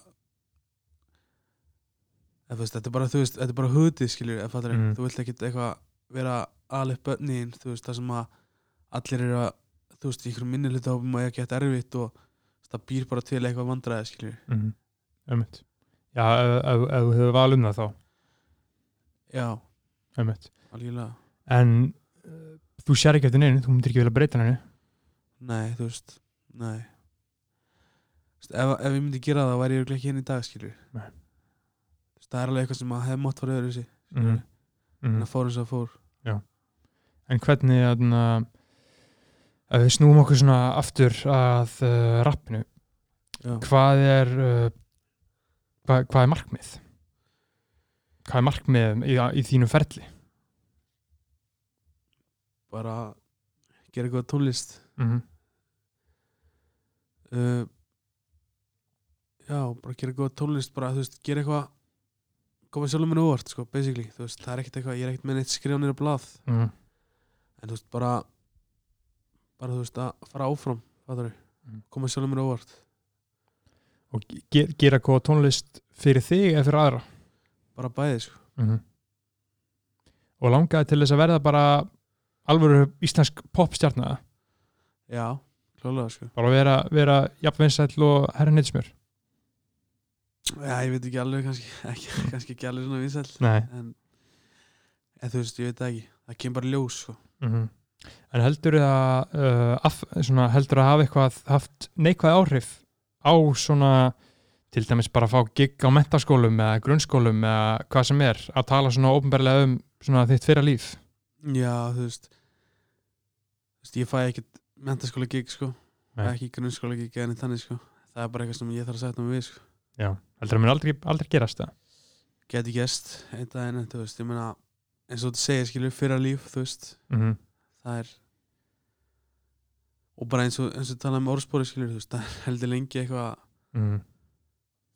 að fara sko en þú veist, bara svo lengi sem að ég þú veist bara get verið með seti mitt fattur Já. og og hérna þú veist, bara stúdíu á mitt og er bara að gera það sem ég vil skilur í tónlist Mhm. Já. þá bara er ég sáttur sko Það er ekki bara Einmitt, uh, þú, en hvernig hérna, hv- en sko sérðu einhverja svona leið til þess að í rauninni breyta uh, orðspóruninu heldur það sé hægt sko á nokkrum árum eða ég hef tekið þessa pælingu sko þú lítur af að hugsa mikið um það hvort þú vilji spila, að þú vilt náttúrulega alveg spila mentaskólaböllum og grunnskólaböllum eða ekki þú veist ég veit ekki, ég veit bara ekki hvort það ég við skilur eða fattur Já. í mentaskólaböll það er bara það er gaman sko já, en þú veist að spila fyrir ykkur 15 ára krakka þú veist mm -hmm. Jú, ég myndi alveg gera það fyrir pening, skiljur, en mér langar ekkert ekki að gera það, skiljur. það er ekkert eitthvað career goals Veist, eins og eftir ég gaf plöðuna, þú veist, þá tók ég bara þessa pælingu í mig, sem hún stálum. um. Ég bara, þú veist, er ég bara að fara að breyta um stefnu, skiljur, Mm. mm. ætla ég bara eitthvað, herri, núna ætla ég bara að vera get mainstream og bara, þú veist, eða, og þú veist, ég tók þessa pælingu, þú veist, ég vil ekki, ég vil ekki gera eitthvað sem ég vil ekki gera, skiljur mm -hmm. og ég veit ekki, þú veist, ég gerir bara tónlist sem ég væpa við, aðalega sko Já. þú veist, og hitt fylgir, hitt kemur já, og þú veist ég tók líka þessi ákvörðum, þú veist, ég sagði bara nei skilur, ég ætla ekki að fara eitthvað, fara eitthvað að selja mig skilur, Mhm. til þess að fá meiri hlustanir eða eða hérna en fattur, þú veist, ég ætla bara að vera góður þú veist, bara skóri við getur orðið, þú veist, bara halda áfram bara gera mikið af tónlist og bara Bara- einskapa meistanum, sko, bara þessi góð, góð millivöður sko, já emitt, og þú veist, eins og væpið mitt er bara skilur, bara eitthvað hard shit skilur emitt það er bara block baby já maður, Block Baby mm -hmm. Ég slakka til að droppa því sko Já, það er að náttúrulega þegar þetta viðtal kemur út, þá kemur það út í vikunni, Já, uh, 29. mæ já, á miðnætti um, Þannig að núna kannski þú veist heimaðinu Ég fekk heima henni um að eh, segja mér frá hennu fullkóna rapplæði. Ok, það var ekki erfitt sko Nei, hvað, hvað var það? Það er How We Do með 50 Cent of the Game How we do með 50 cent of the game her. Næs, ég fíla. það. Þetta er annað lag af plötunni The Documentary með game. Uh, MC Gauti valdi sem sagt uh, Hated to Love It Já, með þeim. nice. sem sitt fullkomna rapplag þetta er uh, How We Do með 50 Cent og The Game af 2006 fucking classic plötunars game The Documentary Yes sir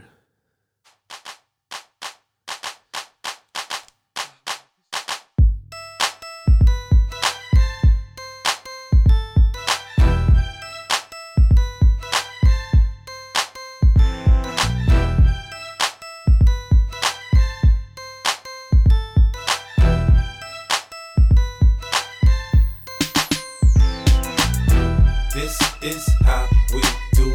We make a move Jumping at the fool while we up in the club. This is how we do. Nobody do it like we do it, so show us some love. This is how we do. We make a move and act the fool while we up in the club. This is how we do. Nobody do it like we do it, so show us some love. Fresh like, uh, Impala, uh, chrome hydraulics, 808 drums. You don't want none, nigga better run. When beef is on, I pop that drum. Come get some pistol grip pump. If a nigga step on my white air once, it's red rum. Ready, here come Compton, uh, Dre found me in the slums, selling that skunk. One hand on my gun, I was selling rocks, and Master P was saying, uh. Buck past the blunt. It's G unit, girls just wanna have fun. Coke and rum, got weed on the tongue. I'm banging with my hand up a dress like, uh. I make it come, purple haze in my lungs. Whole gang in the front, case a nigga wanna stun. I put Lamborghini doors on that Escalade. Low pro solo, look like I'm riding on blades. In one year, man, a nigga so paid. I have a straight bitch in the telly going both ways. Touch me, tease me, kiss me, please me. I give it to you just how you like it, girl. You're now rocking with the best straight pound on my hip, Teflon on my chest. They say I'm no good, cause I'm so hood. Rich folks do not want me around. Cause shit might pop off, and if shit pop off, somebody gon' get laid the fuck out. They call me new money, say I have no class. I'm from the bottom, I came up too fast. The hell if I care, I'm just here to get my cash. Bougie ass bitches, you can kiss my ass. This is how we do. We make a move and act the fool while we up in the club. This is how we do. Nobody do it like we do it, so show us some love. This is how we do. We make a move and act the fool while we up in the club. This is how we do. Nobody do it like we do it, so show us I some put love. gold Daytonas on that cherry 6-4 White wall so clean like I'm riding on Vogue Sit one switch, man, that ass so low Cali got niggas in New York riding on hundred spokes Touch me, tease me, kiss me, please me I give it to you just how you like it, girl You're now rocking with the best four pound On my hip, gold chain on my chest 50, uh, Bentley, uh, M came and got a nigga fresh out the slum. Automatic gun, fuck a one on one. With rat punk, your punk ass stunt, you done. Homie, it's game time. You ready? Here it come. Call Lloyd Banks and get this motherfucker crunk. It took two months, but 50 got it done. Signed with G Unit, had niggas like, huh? Don't try to front. I'll leave your ass slump. Thinking I'm a punk, get your fucking head lump. 50 got a gun. Ready, here it come, got a sit vendetta to get this. Tryna be my book, rather the drama. Set a sip on up, better my flow sounds better than average. On tracks, I'm a savage, I damage any nigga tryna front on my clip. G Unit, Unit.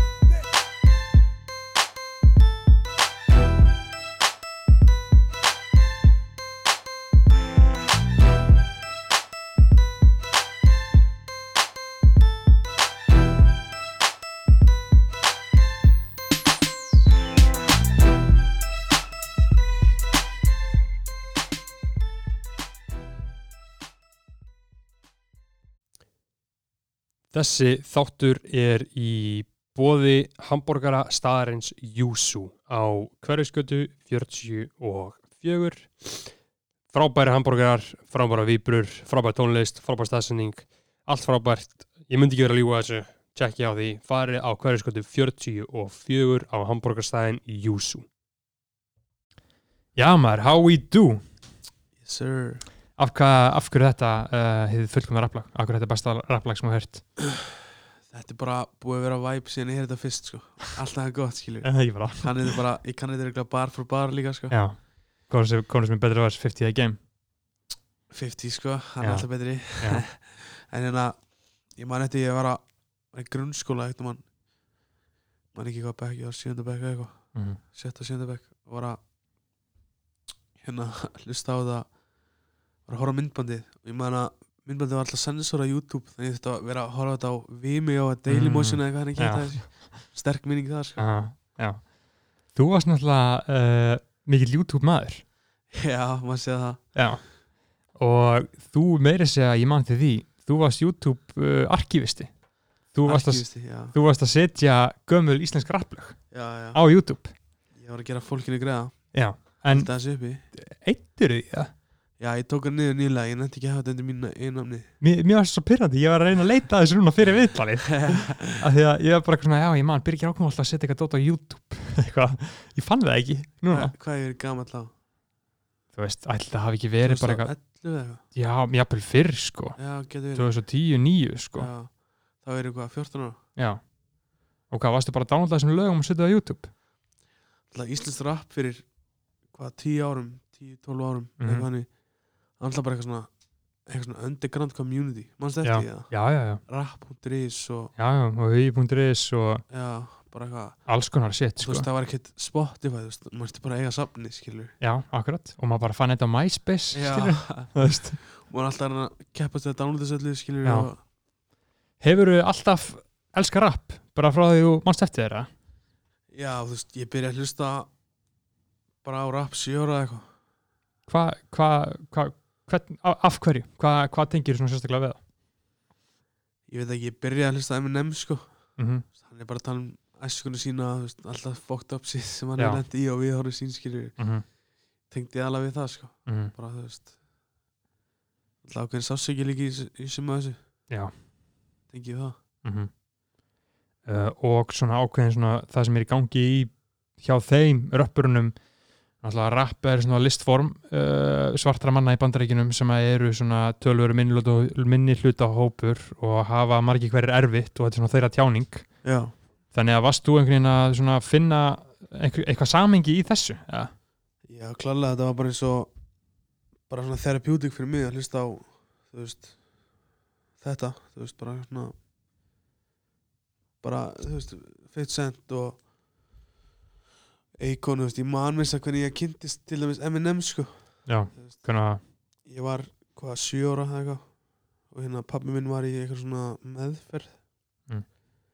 það hétt tólfspörahúsi var hérna á skólaverstík og hérna eitthvað svona herbyggisfélagans eða eitthvað var eitthvað ég vilti hérna fána hérna gíslaspilara og hlusta á þetta og eitthvað og þú veist gaf mér svo gíslaspilara og gaf mér svo einhvern disk með umreim skilur við, þannig kynntist ég bara fyrst skilur við, kekja rappi sko Mástu hvað minn nefndi skurðin var það?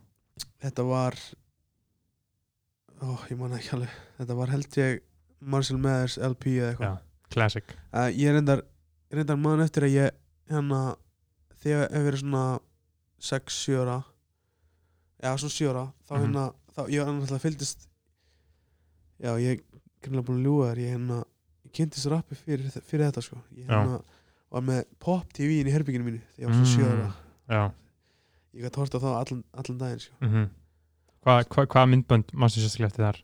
sko ég man hvað heitir hann að lægi með mér nefnda sem hann leika Michael Jackson og eitthvað Ég veit hvað, mynd, ég veit Eitthvað- hvað þú tala um sko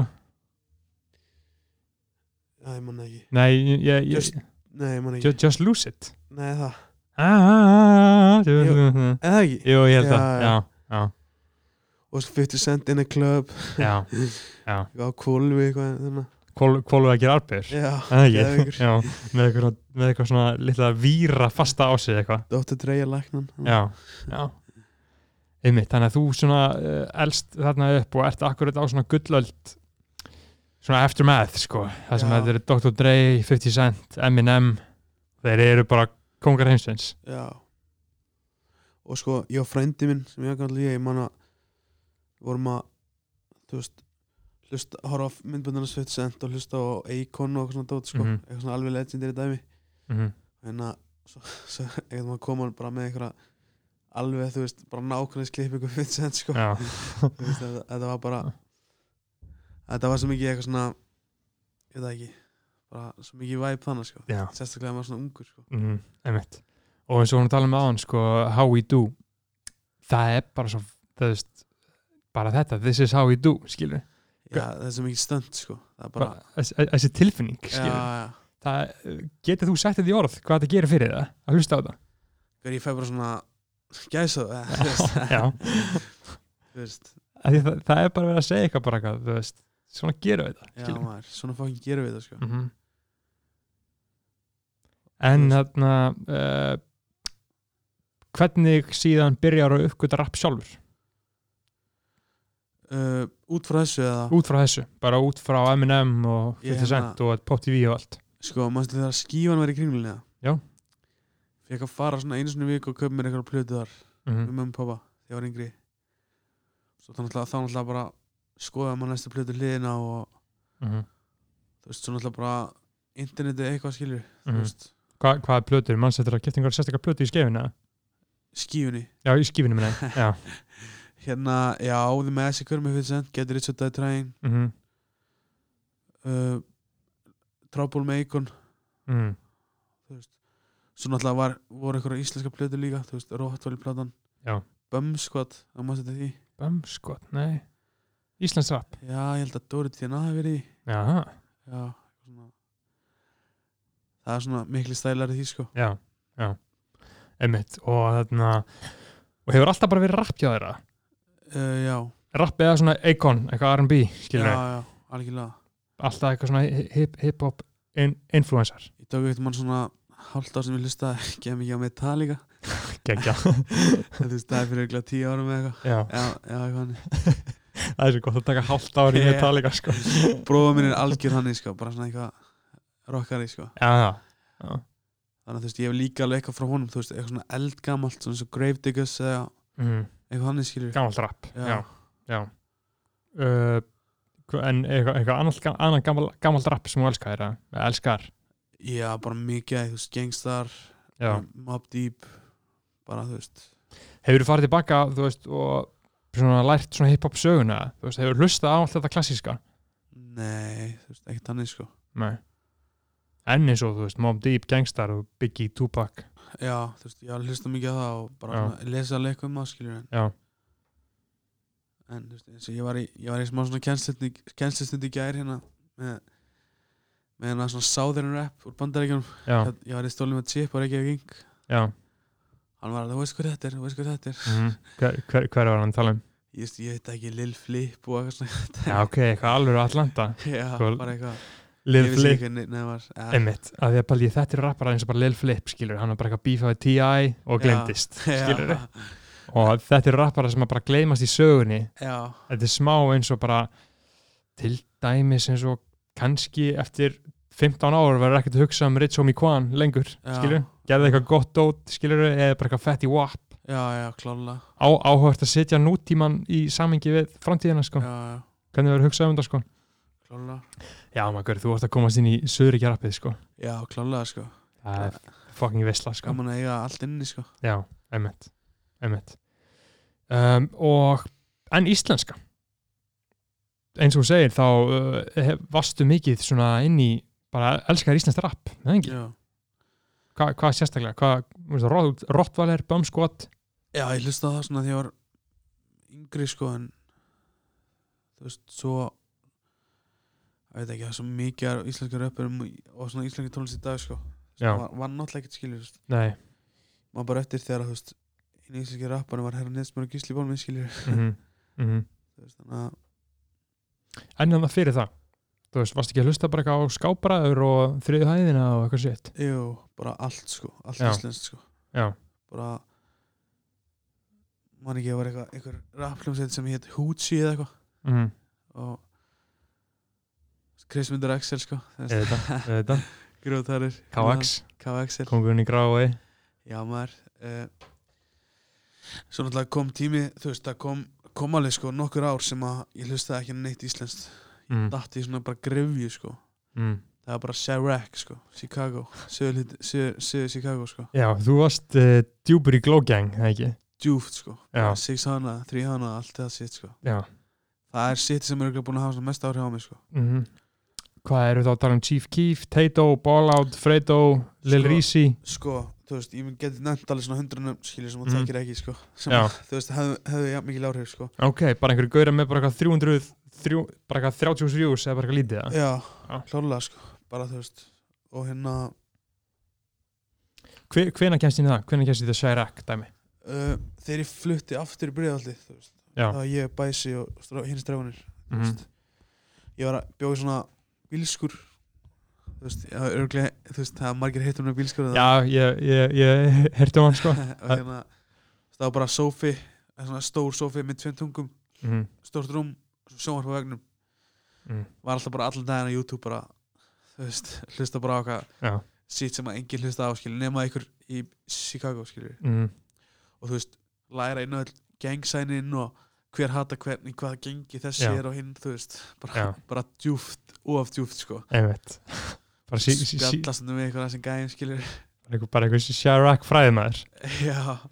Uh, fyrir hlustendu þá eru sem að lýsa sko uh, rapsinnunni í Chicago og Chicago er í rauninni svo borg í bandaríkjunum sem er með hæstu morðtíðni af öllum og sérstaklega söðurhlutin, Southside Já. þar er bara mjög hræðalt ástand, bara umulegar aðstæður til að, ala- til að alast upp í og allt svona og Chicago hefur alltaf verið sko svona fræg, fræg rappborg sko Já. fyrsta sem kom sko Common er frá Chicago uh, og hann verður hann verður vinsæll og síðan alltaf Kanye West frá Chicago líka hann heldur þessu, hann heldur þessu nýri þar og síðan til dæmis uh, er, eru fleiri rappar, ég glemur Consequence og GLC og Chance the Rapper líka frá Já, Chicago já, já, já.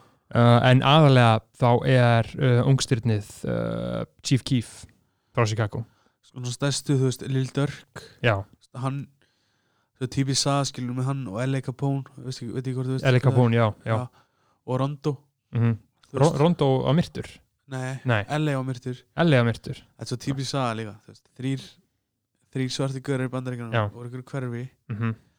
einn er bara núna bara á topnum skilur, bara orðin ítla hins fræður Fallegt að sjá hvað Lil Durk er alltaf búin að meika það tók hann smá tíma. það er geggja sko Já. hann er bara, hann er bara gessanlega búin að meika Já. það Rondo í fangelsi í hvað 40-50 ár Mhm. og LA búið bara búið að plafa hann sko Emmitt, emmitt og þeir, þeir koma, koma náttúrulega upp þetta, þetta, er- og Chief, Chief Keef er náttúrulega bara fættur 95 sko. Já. árið 2012 þá kannski, já, það kom út byr- að byrjun árs 2012, það kom út Don't Like Já. sem að var í rauninni ég man hvað ég var þá sko Ah. ég, var, ég var í hann að Borgo var í Epic. töl- tölvuskólanum til Já. eða tölvu hennar herbygginu Já. ég bara hvað fokkin lag er þetta maður Djú, það er geggjað. Já. að muna það, ég, ég, ég, ég man hvar ég var þegar ég er einhver gíslapálmalög Já. á, á nýja plötunni sko. Já. það er geggjað að eiga svona, eitthvað Já. svona algjörlega umbylltir heimniðinum sko. Já, ég var alltaf með honum þegar hann var að gefa plöðinu út sko. það var Mhm. gaman að sjá þú veist, þá svona sá ég líka fyrst þú veist, eitthvað vera búið til klárað og gefið út skilju. Já.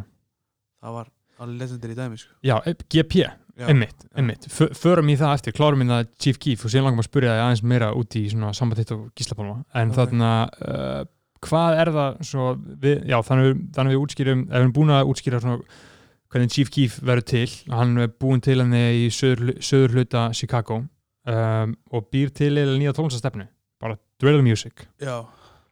Hvað er það svona sérstaklega sem heitlaði svona mikið við þetta? uh, pff, bara stílil sko, þú veist hann er bara hann er bara að tala um það shit sem ég vildi heyra sko, mm Mhm. -hmm. og fucking stælar í, því, skilju Já. bara, bara hún var skýt sama líka þú veist, Mhm. allt einlega Já. þú veist, og- Er þetta bara, svi- ég tengdi líka, þú veist, svo mikið við þú veist það var bara strákanir eða bara bræðinir, skilju, mm Mhm. -hmm. fram yfir allt annað Það Já. var bara þeirra móti heiminum, skilju OTF OTF, sko, ég með hérna Mm. Ertu með OTF flúrað? Epic maður Epic, ég vissi það ekki það er legendir í, Já. O- OTF stendur sér satt fyrir Only the Family yes sir Já. og líka sko, uppáhaldslægi mitt frá þessu er eiginlega Us með Lil Já, Reezy sko. það er fucking, það er ég, ég, ég elska líka remixið með Rick Ross og Drake sko. Já, það er fucking classic sko. ég hlusta ekki á það sko hlustur bara á originalega Já. en, en, en Don't Like remixið, hvað sér það? Já, þú veist, ég leiði að sleta Já, Pusha T er góður sko Ég var ekki sáttu þegar minn maður herran Hitsmir gerði Ég man ekki hvað lag Eh, var, ha- Blóðþyrstir úlfar. Já, já. Ég sagði bara, hvað er þessi gæði að fucking gera Já, þú þekktir hann ekki þá Já, jú, við svona vissum að hvernig Já, hann kunningjar Já En þessi, ég er bara gaur þú veist, Það þarf að fá að leiða frá mér fyrst sko Já. Og þannig að rappar uh, herra Neidsmur yfir don't, don't like taktina ekki Jú, það ekki. og rappar hann að blóð þyrstir blóð, blóð þyrstir úlvar Já. shit maður uh, já og þú hvað, byrjar bara að uppgöta Chief Keef og fær síðan verður bara eitthvað djúpur í einhverju Chirac pólitík Já, hérna bara strákanir skilur sem að æskufélaganir og þú veist vorum bara mikið í þessu vorum svo forvitnir um þetta allt sko Já. þú veist, ungir og við þess að ég talaði líka ekkert um hann við Taito og FaceTime sko Nei, í alvöru? það var legendary sko Í alvöru? Já, hann er alltaf frægur fyrir að vera á FaceTime hann skilur hann á FaceTime í 6ix9ine Jú. I'll kill you Já. það var bara all of you okkur snart sko já, já. shit maður, hvað hva var að spjallum ég var bara eitthvað henda einhverjum gang signs upp og segja gang sko glow Já. gang forever Já. það var, algjör gúl það, það var einhver íslensk stelpa Já, það, það var í gegnum hana Magnaða Já, það, já, Já, Hún er 100 hún er 111 sko Já, ok. Magnea, hún, hún var að hitta Tato, eða? Eitthvað hannig, þú Já. allan að voru vinnir Einmitt. Og það, og, og, og það einhvern veginn uppgötaðist þegar Tato eða einhver eða Ballout eða einhver hafi verið að rappa um einhver íslenska gælu. Jaha, ég vissi það ekki sko. Já, mér, mér minni það sko. Já, ok. Að einhver hafi grafið það upp á einhverju sko, einhverju mixteipi einhverstaðar að, Ég, ég sá það, sá hann bara, hún sendi mér svona myndir og eitthvað svona dót þú já. veist. Og var hún bara eitthvað að chilla með Tato? Já, húsinu að tíf kýf og Já. eitthvað Röggla, sko Já, shit. Svo náttúrulega, þú veist, eru allir heiningarnir sem að, þú veist, ég fíla svona mest Þess að, þú veist, Da Baby, skiljur Já. Þú veist, hann fyrir tveim árum, Mhm. það er sittum mitt, skiljur Já, þú veist að hlusta á hann fyrir tveimur árum. Þú veist, ég kannski byrja að hlusta á hann fyrir svona ári Mhm. en þú veist, Gamla shit- dótið hans. Já, þú veist, sitt sem að, þú veist, hann gerir on the come up, skiljur Já, já, akkurat, akkurat. Þú tengir betur við það. Já, þú veist, ekki núna þegar hann bara, þú veist, var hann svona mainstream, skiljur Ég er bara smá, hann, hann, hann svona smá fylgir formúlu sko. Já, þú veist, þannig að Þú veist, ég væp alveg við það, skiljum, Já, mér finnst já. það ekki jafn authentic Einmitt, einmitt, þú fílar betur þegar það er smá hungur í þessu. Já, klálega, sko mm og en, en, en eins og hva- hvað hva er uppáhalds uh, Chief Keef teipið, uh, projectið þitt? Finally Rich, sko Það, já, það aha, er no doubt, sko já. Já. Ég, ég er bang þrjú maður sko Það er svo list, Já. Finally Rich bara einn bæsta plata sem við hefum gefin út, sko já, ég bara, ég mótmæli því ekki neitt sko þú veist, það Diamonds og þarna, hvað heitir lagið með Rick Ross Þrjú hana þrjána maður, það er, ég veist það bara besta lagið sko, My dog died and put him in a plastic Já, bag já. Ruggla, sko fucking epist sko, Það er virðing, sko já, það er það sko já maður, Chief Keef maður og þannig að sko ég vil meina að ég svona sé á þeir sko, það eru svona tveir svona megin uh, áhrifaldar uh, rapstílsins þíns ætli það sé ekki Chief Keef og 50 Cent eða? Jú, klálega, svo svona margir litlir, eða svona minni Já, hver, hver er fleiri, getur nefnt Þú veist, Rondo, LA, Mhm. Mikey Dolls FBD Duck, Billionaire Black Þú veist, þetta er allt gæð sem þú veist ekki hver er Þetta þetta eru göra sem engi veikur er sko Goons við það samt, sko Já. Það er alveg þannig. en, en, en, þú samt, en samt bara gún sem eru sér mentaðir í einhverju Shirok-málum Já, sko. já, klálega, sko en varstu, varstu þá að horfa á þarna, DJ Academics myndböndin eða? Nei maður, ég var bara að horfa á myndbæti þeirra og, og þú veist, fylgjast með þeim Já. Persónulega, sko hann var alltaf mjög umdeldur uh, DJ Academics, maður skýtti því þegar hann var með hana, The War in Chirac seríuna, Jú, jú, jú. En þú veist, það er eitthvað svona sem allir horfa á, skilju Já, einmitt, Það er einmitt. eitthvað, hei, ég ætla að kíkja á Chicago, ég ætla að horfa á þetta Já. En ég var miklu meira svona, þú veist, eitthvað svona Varstu gaur- bara- Gaurar bara- úr hverfinu Já. Bara eitthvað, herri, ég ætla að elda hérna með myndaðel og ætla maður að spjalla saman og Já. eitthvað svona dót, skilju einmitt, þú varstu bara eitthvað að followa bara eitthvað frænda þér á Instagram já, klárlega sko. Já. og þú veist vita bara þú veist, hver þú veist, eins og Chief Keef hann fekk svona breakthrough þú veist, þegar hann tweetaði einhverju shit um Lil Jojo sem var drefin Já, ég man því. og hérna og, þú veist, ég kafa á hann í það, hver draf hann og eitthvað svona, þú Einmitt, veist, skilur, þú veist, einmitt. það er þú veist, það var ásaka Freyta og Santana og Lil Reese um að drefi hann, skilju Mhm, mhm. eitthvað var Lil Reese að keira og Freyta og Skaut, skilju þú veist, Já. það eru kenningar um það Já. og k- hvað var aftur með Lil Jojo þetta var svona frekar stórt mál já, hann gerði hann að lægi BDK já, disla á Chief Keef Já, og bara- Glow Gang og síðan var hann bara drefin ein, einum degi síðar sko, eða? þetta er nefnilega svo miklu starra heldur en eitthvað Chief Keef og Glow Gang sko. þú veist, þetta er bara þú veist, eins og King One, veistu hvað King One er eða? Nei. hann er svona hann er í OTF sko. Mhm. svona nýla komin svona, hann, bara hann er come up, come up sko. Já. og hérna þú veist ég hef oft sagt að ég er að tala um eitthvað svona Sarah Exit að þú veist þú getur, þú veist eins og O-Block skilur Mhm. þú veist það er bara Óbla. Óbla, Já. það er hérna Væba. það er, það er bara það er bara þessi hérna gata og næsta gata Mhm. svo að þú ferð yfir göttur með þrjú skilur Já. það er bara fucking skotir skilur Shit, maður.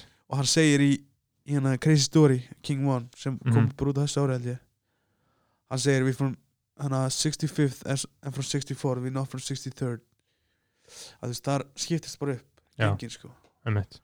og þú veist líka máli með þú veist það sem ekki pólitík eða svona smá pólitíkan úti þú veist, Mhm. þú veist það eru tvö aðla tvö gengi sem er G-Rees og B-Rees það er Gangsta Disciples og Black Disciples Mhm. þú veist hann að B-Rees þeir þú veist það er Chief Keef, Lil Durk Lil Reesey, Booga 6 Hana og allir þeir skilur Já. svo eru þessi hinningar sem ég var að tala um skilur Billionaire Black, þeir eru G-Rees Einmitt, en það er engin frægur rappari í þeim Jú, það er komið núna þú veist, það er svona, það hefur búin að vera svona fimm sínum erfiðara fyrir þá, skilur já, að meika það já, þú veist, s- sem að þú veist skapar alveg talent pool, skilur Mhm. mm. Mhm. að, þú veist, allir bara alltaf að reyna og reyna og reyna og... Akkurat.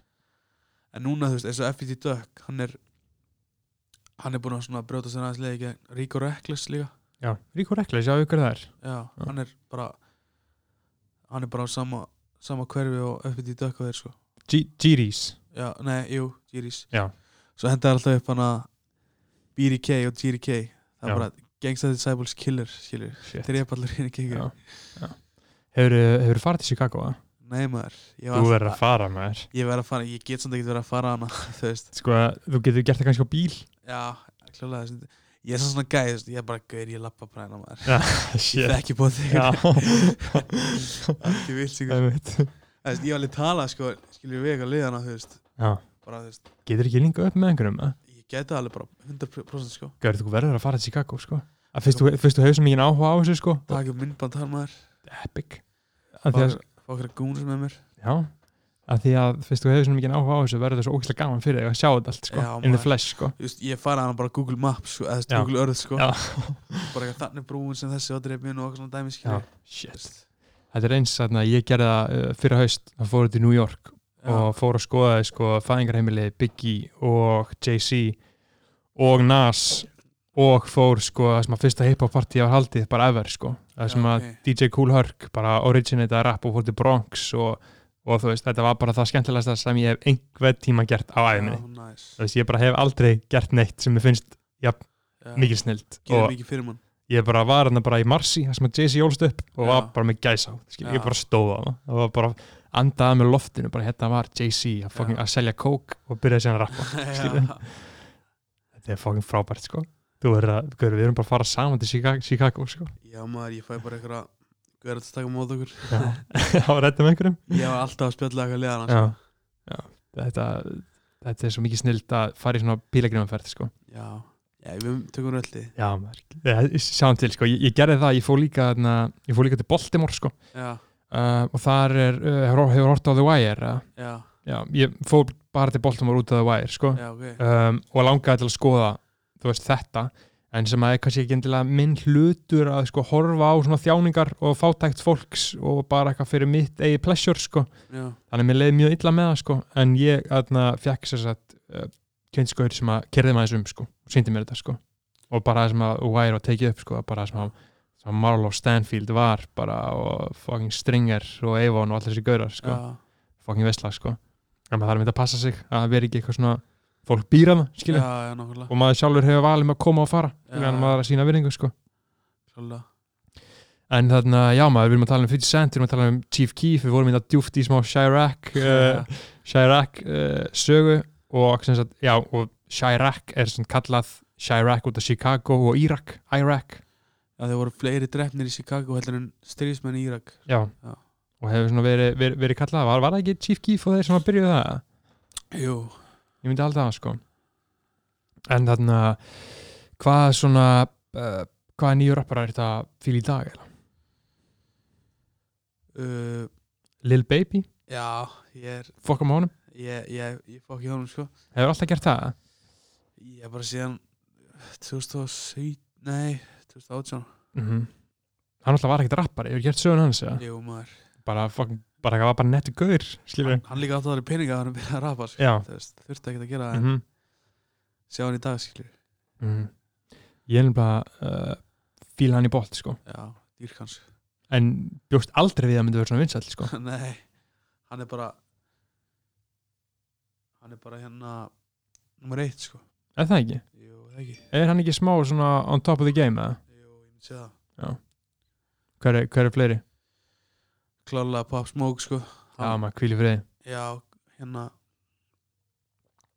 R.R.P. Pop Smoke sko, klálega hérna og þú veist hann er mitt kom með þú veist svona smá s- eins og, eins og Chief Keef skilur bara eitthvað Nýtt sound Já, svona s- nýtt sound skilur þú veist, í New York skilur mm Mhm. -hmm. samt búin að vera alveg í þetta sound er alveg búin að vera í eins og UK og svona UK Akkurat, drill akkurat gaman að heyra það hann skilur mér langaði alltaf að gera gera eitthvað svona UK drill lag skilur mm svo svona sjá hann executa það grúðhart sko fallegt sko hlustar á uh, uh, hlustar eitthvað á eitthvað UK já Dota ég er búin að vera aðeins að checka því sko þú veist. Gaur, ég, mæli, ég, ég sé smá sko að mér finnst þið smá líkir uh, þú og Heddy One, sko það er ekki hugmynd tjekka á honum sko uh, hann er ógæðslega góður sko og ég, svona, sé, ég, ég, ég, ég sé smá líkindi, ég held að þú eftir að fíla hann sko ég held að Ok. sé smá rap sem að þú fílar sko Ok, ok. þetta er mjög, þetta- þetta þetta er svona drill en samt er hann líka alveg bara svona í trappinu og græminu skilur nice. og líka bara eitthvað að syngja sko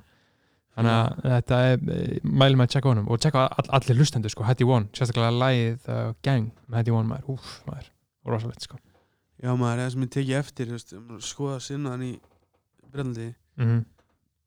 þetta er svo mikið, fattar þú veist, þeir aðlaðast svo mikið að kerfinu skilur, þú veist, þannig að það er er ekki rétt sem er að ekki neins það er fleiri eftirlismyndar heldur en í Brellandi. það er vist fakt sko Já, þú veist, ég meina, ég er búin að vera að horfa á svona smá underground, skilju, þú veist, myndbönd. Mhm. Þau eru allir með grímur. Já, þú veist, já. engin tattoo, bara Mhm. engin skarkrifir, bara ekki þetta að reykja, skilju. Já.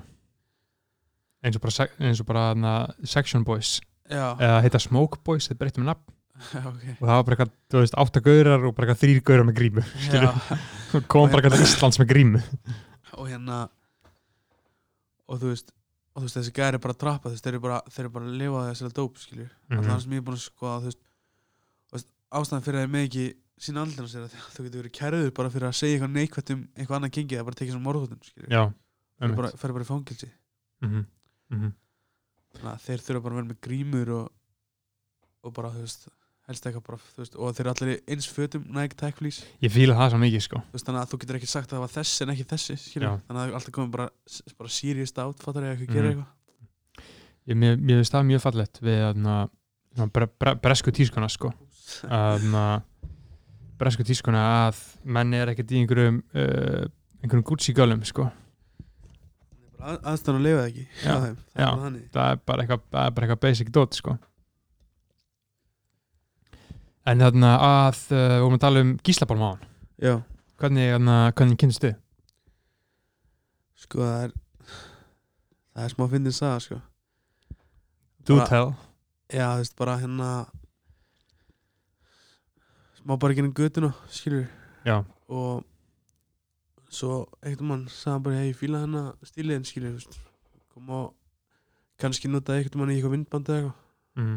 og ég sagði bara, þú veist, já, ég til Já.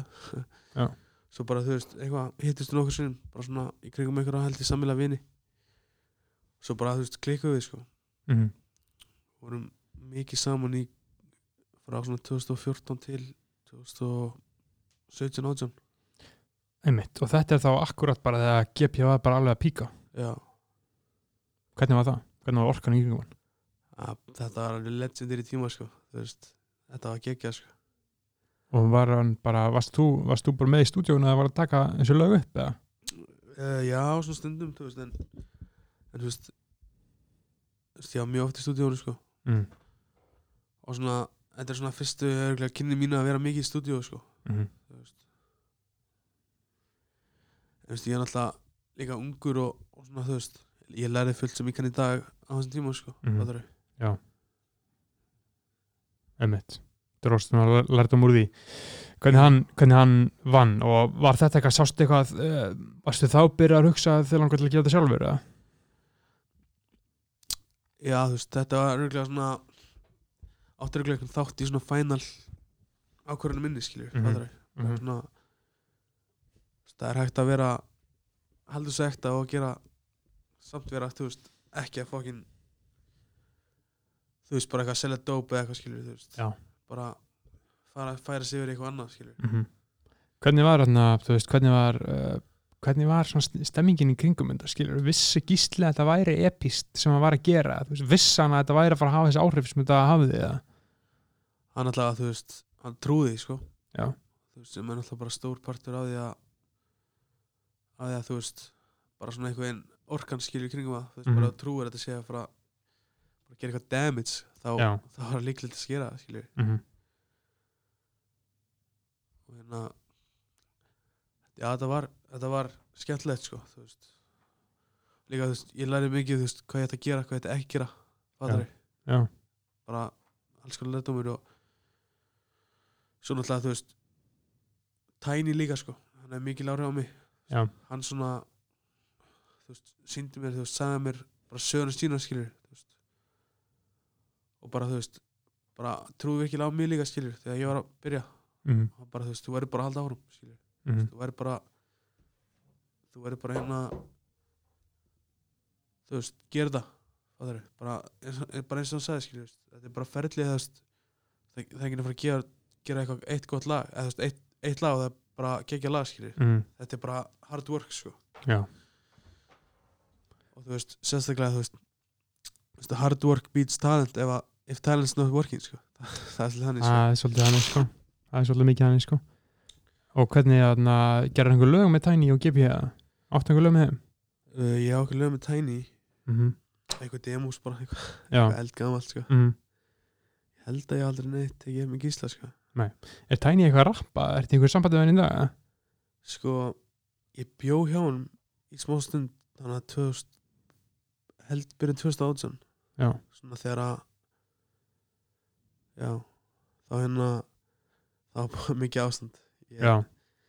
þurfti aðeins smá stund til þess að aðeins að róa allt Mhm. bara svona komast úr umhverjum sem ég er búin að vera í Einmitt. þannig að ég flutti inn til hans í einhverja þrjá mánuði held ég sem var bara mjög gott þú veist, ger, gerði mjög gott fyrir mig Mhm. stuttu mm setna stuttu setna hérna varði ég eitru held ég Já. hálfu ára setna eitthvað Gekkja. það var svona fyrsta skref yfir í það þannig að væri svona eitthvað, á ég get ekki búið heima á mér, ég þarf að ég held að ég geti bara flutt eitthvað þá væri þetta Mhm. ekki að mikið vandamál Mhm. en hérna já, ég líka lærið helling af honum sko, þú veist. Já. hann alltaf eitthvað að skrifa og pæla og svona alltaf bjó, bjó Martin líka hann sko. Já, byggja allir þrý saman að já, Sér maður, það, það hefur verið einhver veisla já. Þú veist, ég, ég hann alltaf bara sófanum hann sko. Já um, pródú, Veist þú, pródúseraði Marteinn uh, óupplýst sagamál já, Svo fucking gott lag maður sjúklega gott lag sko. Ógeðslega gott lag líka þannig að saman hvað gengur á þannig að þá er eitthvað lofað að þetta verður all, alltaf óöflið sagamál sko. Já, já, það er bara fakt sko. Mhm. þekkjandi hans sko, þú veist, Já. það er bara hann er að meina það sem hann segir sko. Já. Þú veist, hann, hann, hefur, hann hefur verið á, verið hann fyrir mig sko. Mhm. Það er svo fucking real sko hann er real, sko, Já. real motherfucker sko. Já, þegar sólinn Ef að- sest, sest og rís upp svona hljóma þess að bóa vísur já, klárlega Mm. sko.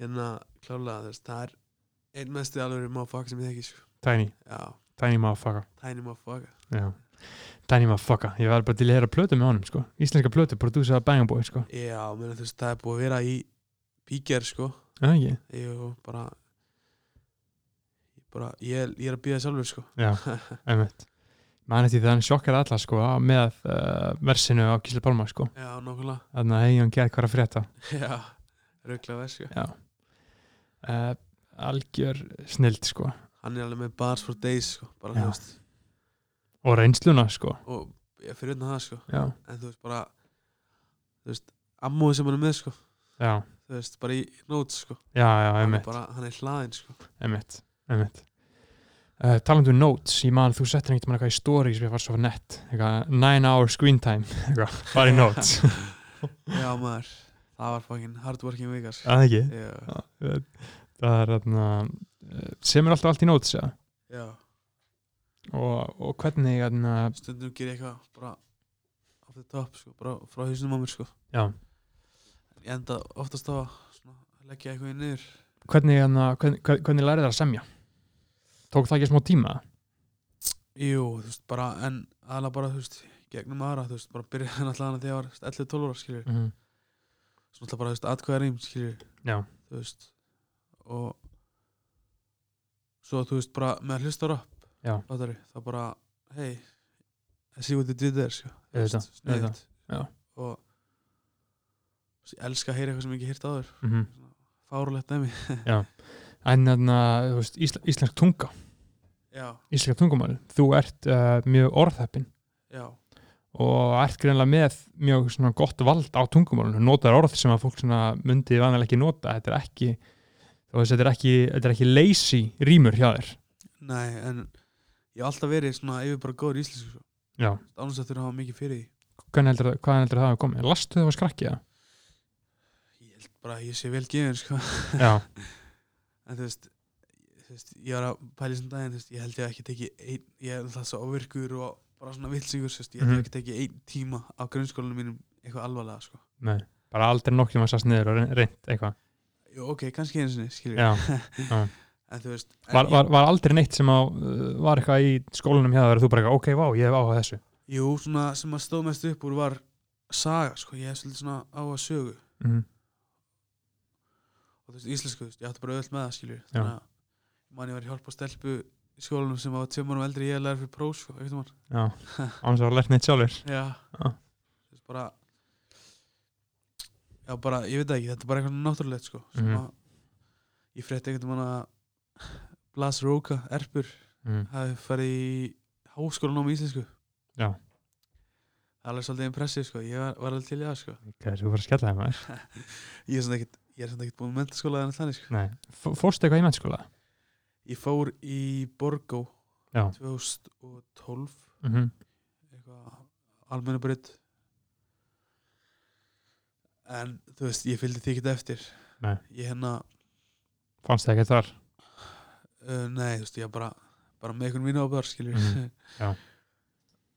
Og hérna, en þú veist, ég hætti að mæta fóreldur minn lenti í alveg slýsi Mhm. Þannig að voru bæði á spítala í einhvern okkar mánuði Þannig að Fuck. Já. ég hætti bara alveg að mæta sko Já, umhett. En þannig að, að, að íslenskunni, uh, hvenar svona, hvenar, hvernig, í- hvernig rýmar, skilur? Hugsaru eitt orð, hugsaru, skilur sending og byrja þá að hugsa lending, eða þú veist, hvernig fer þetta fram? Uh, já, uh, oft sko en, þú veist, Fyllir sér inn í orðinu á milli það? Já, þú veist, ég hef gert það oft sko En Þú veist, ef þetta er bara eitthvað væp, skilur En ef Mhm. þetta er eitthvað gett djúft Þá oftast reynum maður að þú veist, Náttúrulega þarf alltaf að rýma ykkur, skilur Mhm. Þannig að En þú veist, oft skrifa ég bara eitthvað svona Fyrstu rýman sem koma Mhm. Svo bara, nei, þú veist, þetta er Ég þarf að skrifa eitthvað betra, skilur Já. Bara, þú veist, mér finnst alltaf gott að gera draft, skilur Svo bara færi ég hann neðar í notes Fimm púsa á? Já. Já. Einmitt. Og en eh, hv- hver, ma- manstu eftir því hvernig það var þegar að þú uh, varst að semja eitthvað og hugsaði bara, fuck, þetta er gott. uh, svona fyrst skipti Já. ég held að það hafi verið þegar að hérna gerir rútínu með þessi Já. það, var svona, það var ég skrifaði það vest 2017 Ok, og er, einhver- er, er einhverjar sé- sérstakar línur í því sem að þú mannst eftir að fíla geð mikið? eða? sko ég var hérna með sem sagt bara einum besta vinnum minn bara, þú veist, ég kalla hann bara bróðum minn sko Mhm. sami drengur ég bjó hjá á sófanum þegar, þegar ég, nei í rúminu hans þegar ég hérna gaf út sendingót á YouTube Akkurat, þið fræga YouTube, uh, hinnum fræga YouTube útgáðum. hérna uh, var í bauðunum til eða ég getur meða fyrir hann til London við vorum bara eitthvað að fara bara eitthvað að leikur Mm. november 2017 og hérna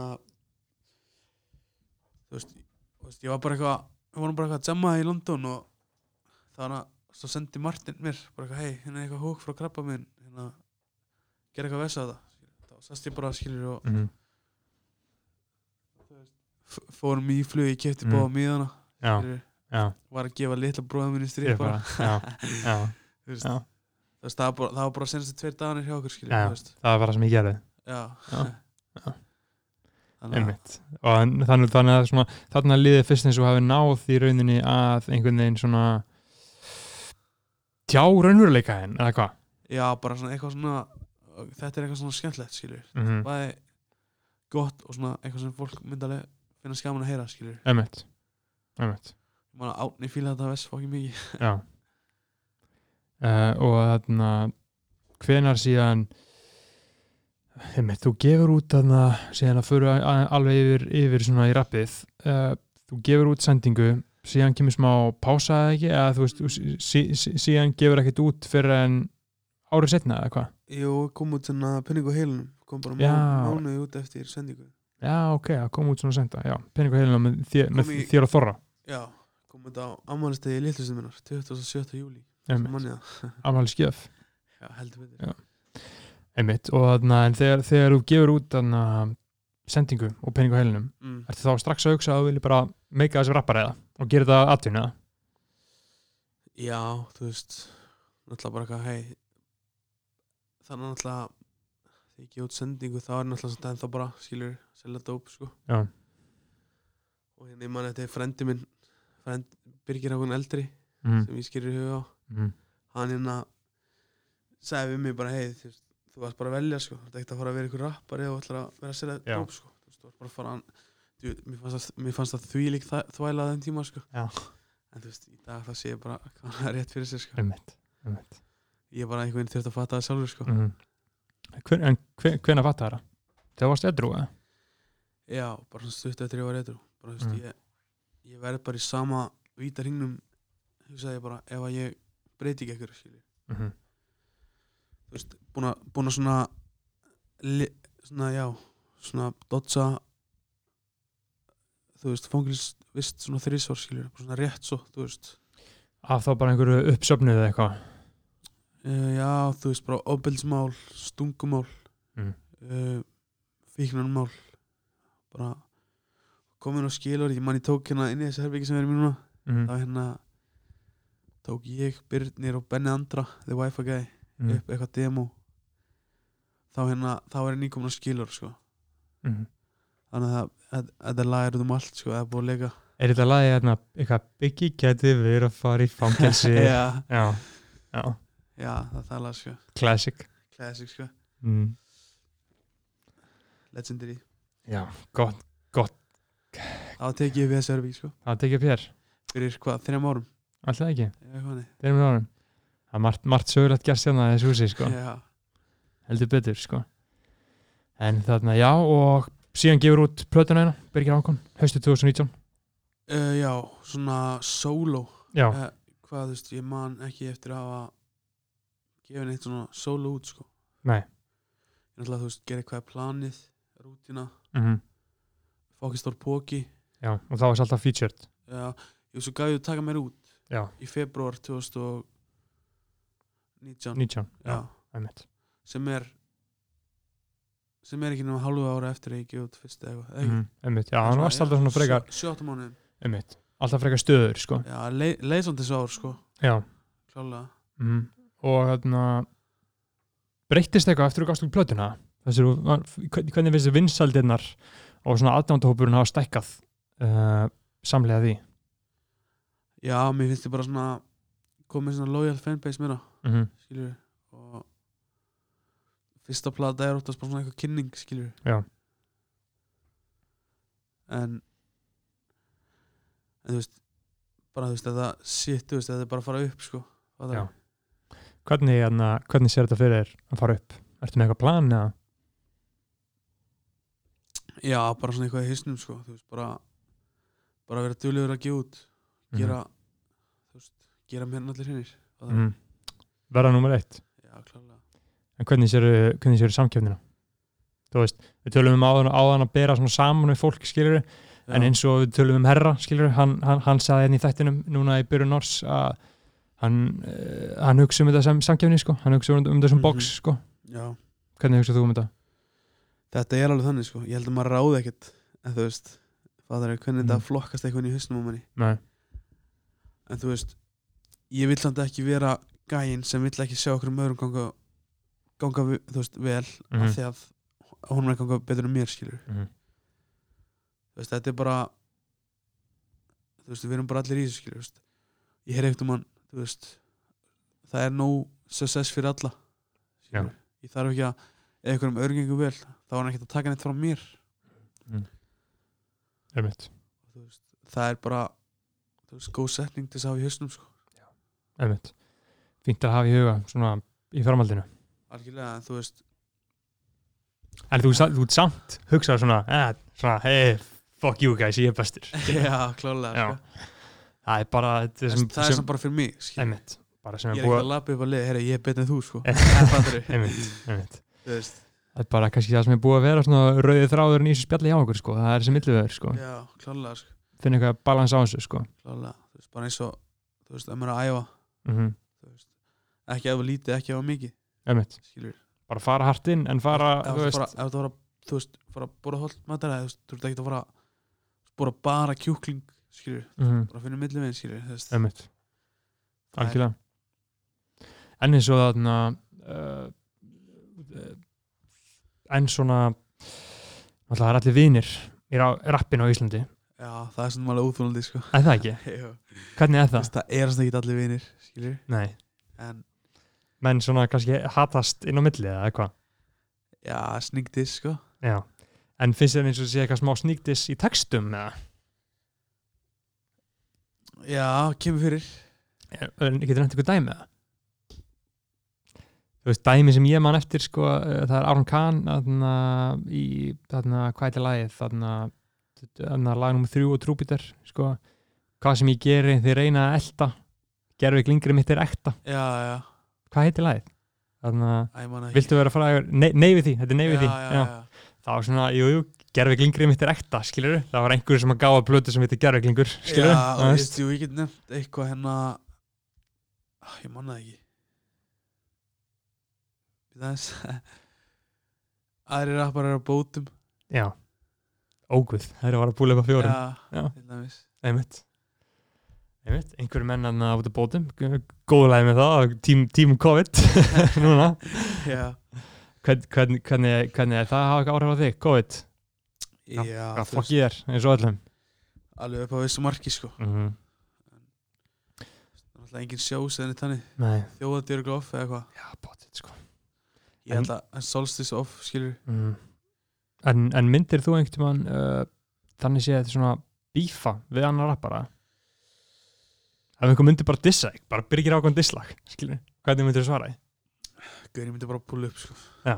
Það veist, það er ekkit Jafnvel, jafnvel þó þetta væri bara svona á rap leveli, skilur. Hann var ekkert eitthvað að dissa þig eða fjölskylduna eina. Ekkur ég er samt ég sko Ef hann gerir eitthvað disla á mig Já. Það var hann að gera disla á mig skilur Mhm. Heldur það munum þetta að gerast það? Það er ekki maður Það er bara, þú veist, eða þá bara, þú veist, setjast niður og aðeins pæla ekki að gera fyrst sem myndi eftir í hug sko ég, ég, Þú veist, það er alveg svona eitthvað sitt sem ég er búin að læra svona eitthvað síkast skilur Já. En eins og þegar að þegar að King Lexi Picasso var að dissa netismjör sko Já. Fór það í þig að? Var enginn að dissa þig líka eitthvað? Það er svolítið að stinga þig og eitthvað? Já, þú veist, ég, svona, þú veist, það er sko, þú veist, það er þannig, shit sem maður hlustar ekki á. Já, já, skilurðu. þetta vantar að maður ekki að hlusta á það, sko. Nei. Þú veist. En, þú veist, eða kemur eitthvað alvöru, skilju, Mhm. þá myndi, ég, þú veist, ég veit það ekki, ég myndi líka bara hafa gaman í að gera eitthvað á móti, sko. Mhm. Þú veist, það er bara svo, þú veist, það er allir svo eitthvað, þú veist, vill engin neitt, skilju. Nei. Þau vil ekki reygin. Það vil ekki reygin, sko, þú veist. En, þú veist, já, Þú myndir bara Það set, var- setjast niður, hugsa um og síðan taka ákvörðun. já, klálega, Já, sko. já. Ta- Taka strákana, mæta strákunum inn í stúdíu. Já. Herru, hvað gerir þessu? Mhm. Já. Einmitt, það verður gaman að sjá hvort það gerist, örglega ekki. Eða þá bara pæla ekkert í, því, skilju. Já, bara halda á með lífið bara næs, hann er að tala um mig, skilju. Já. Takk bró Já, Já. þú veist, það er bara þú veist, eins og ég segi í mörgum liðum skilur, þú veist, Já. ég er alltaf talandi skilur, Mhm. ég veit að fólk talar um mig Mhm. Já. Hvernig líður með það? Um, að allir er alltaf talandi um þig og allir hafa svona þannig séð mjög líklega skoðun á þér það fer oft í þjóðan á mér sko Hvernig þá? En þú veist, er, er, er brengla það ekkert smá í sjálfsmyndinni en að þú veist hvernig þú horfur á sjálfa þig eða? það gerði það allir Já, en, en þú veist það þú veist, maður læri bara að lifa ekki á áhrif sko Mhm. það þarf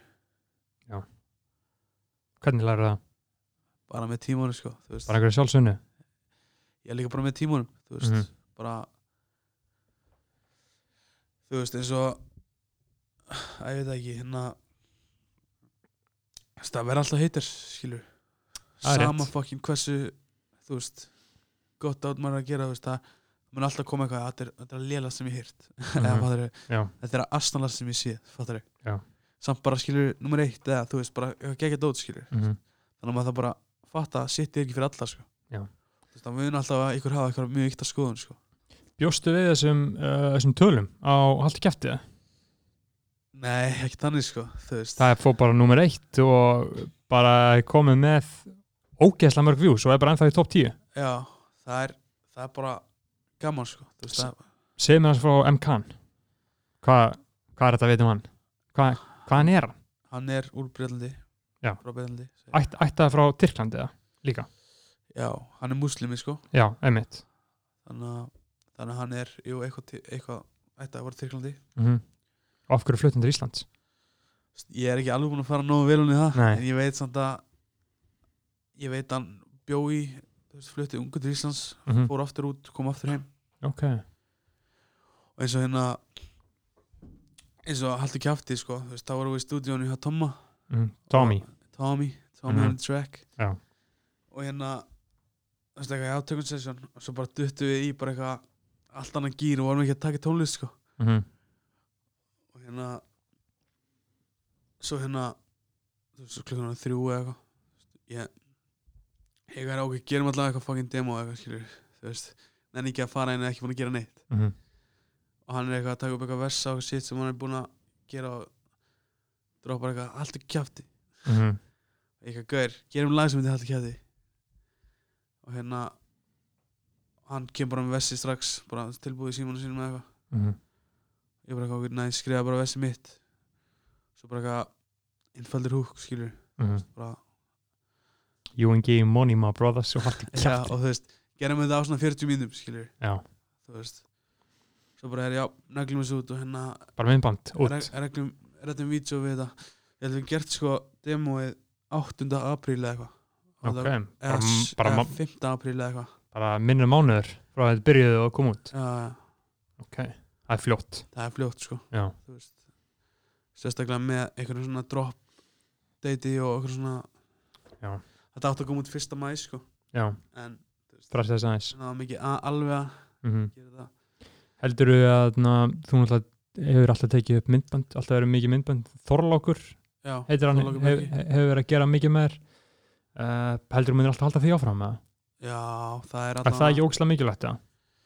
Jú, þú veist, ég meina, meina þú veist, það er bara þú veist, það er svo gaman að skilja eitthvað eftir sér líka sko Er það ekki? Jú, klálega sko Bara, fara, bara geta að fara tilbaka og síða sending og starmýri myndbandin Já, sko. nákvæmlega, þú veist og, og þú veist bara svona þú veist, tónlist sem að maður sér og þú veist þetta er oftast, þú veist, maður er að selja eitthvað skilur Mhm. þú veist og bara eins og maður hefur séð, þú veist þess að bandur ykkur að bara gera, þú veist það er, svo, það er alltaf svo næs að fá visual með 100% það gefur svo miklu meiri Tengingu við lagið, sko. ok, þetta er geggjalag en Mhm. wow, að sjá það með myndbandinu, skilur það er bara, breytir öllu já, 100% um, Svona að lokum hjá okkur um, Núna ertu náttúrulega búin að uh, gangi í gegnum margt og ertu náttúrulega komin inn í svona annað, annað feys á lífið þínu en hún liður áður, ertu svona smátt og smátt að verða nýr maður, annar maður uh, hvað er svona helsti helsti lærdómurinn sem þú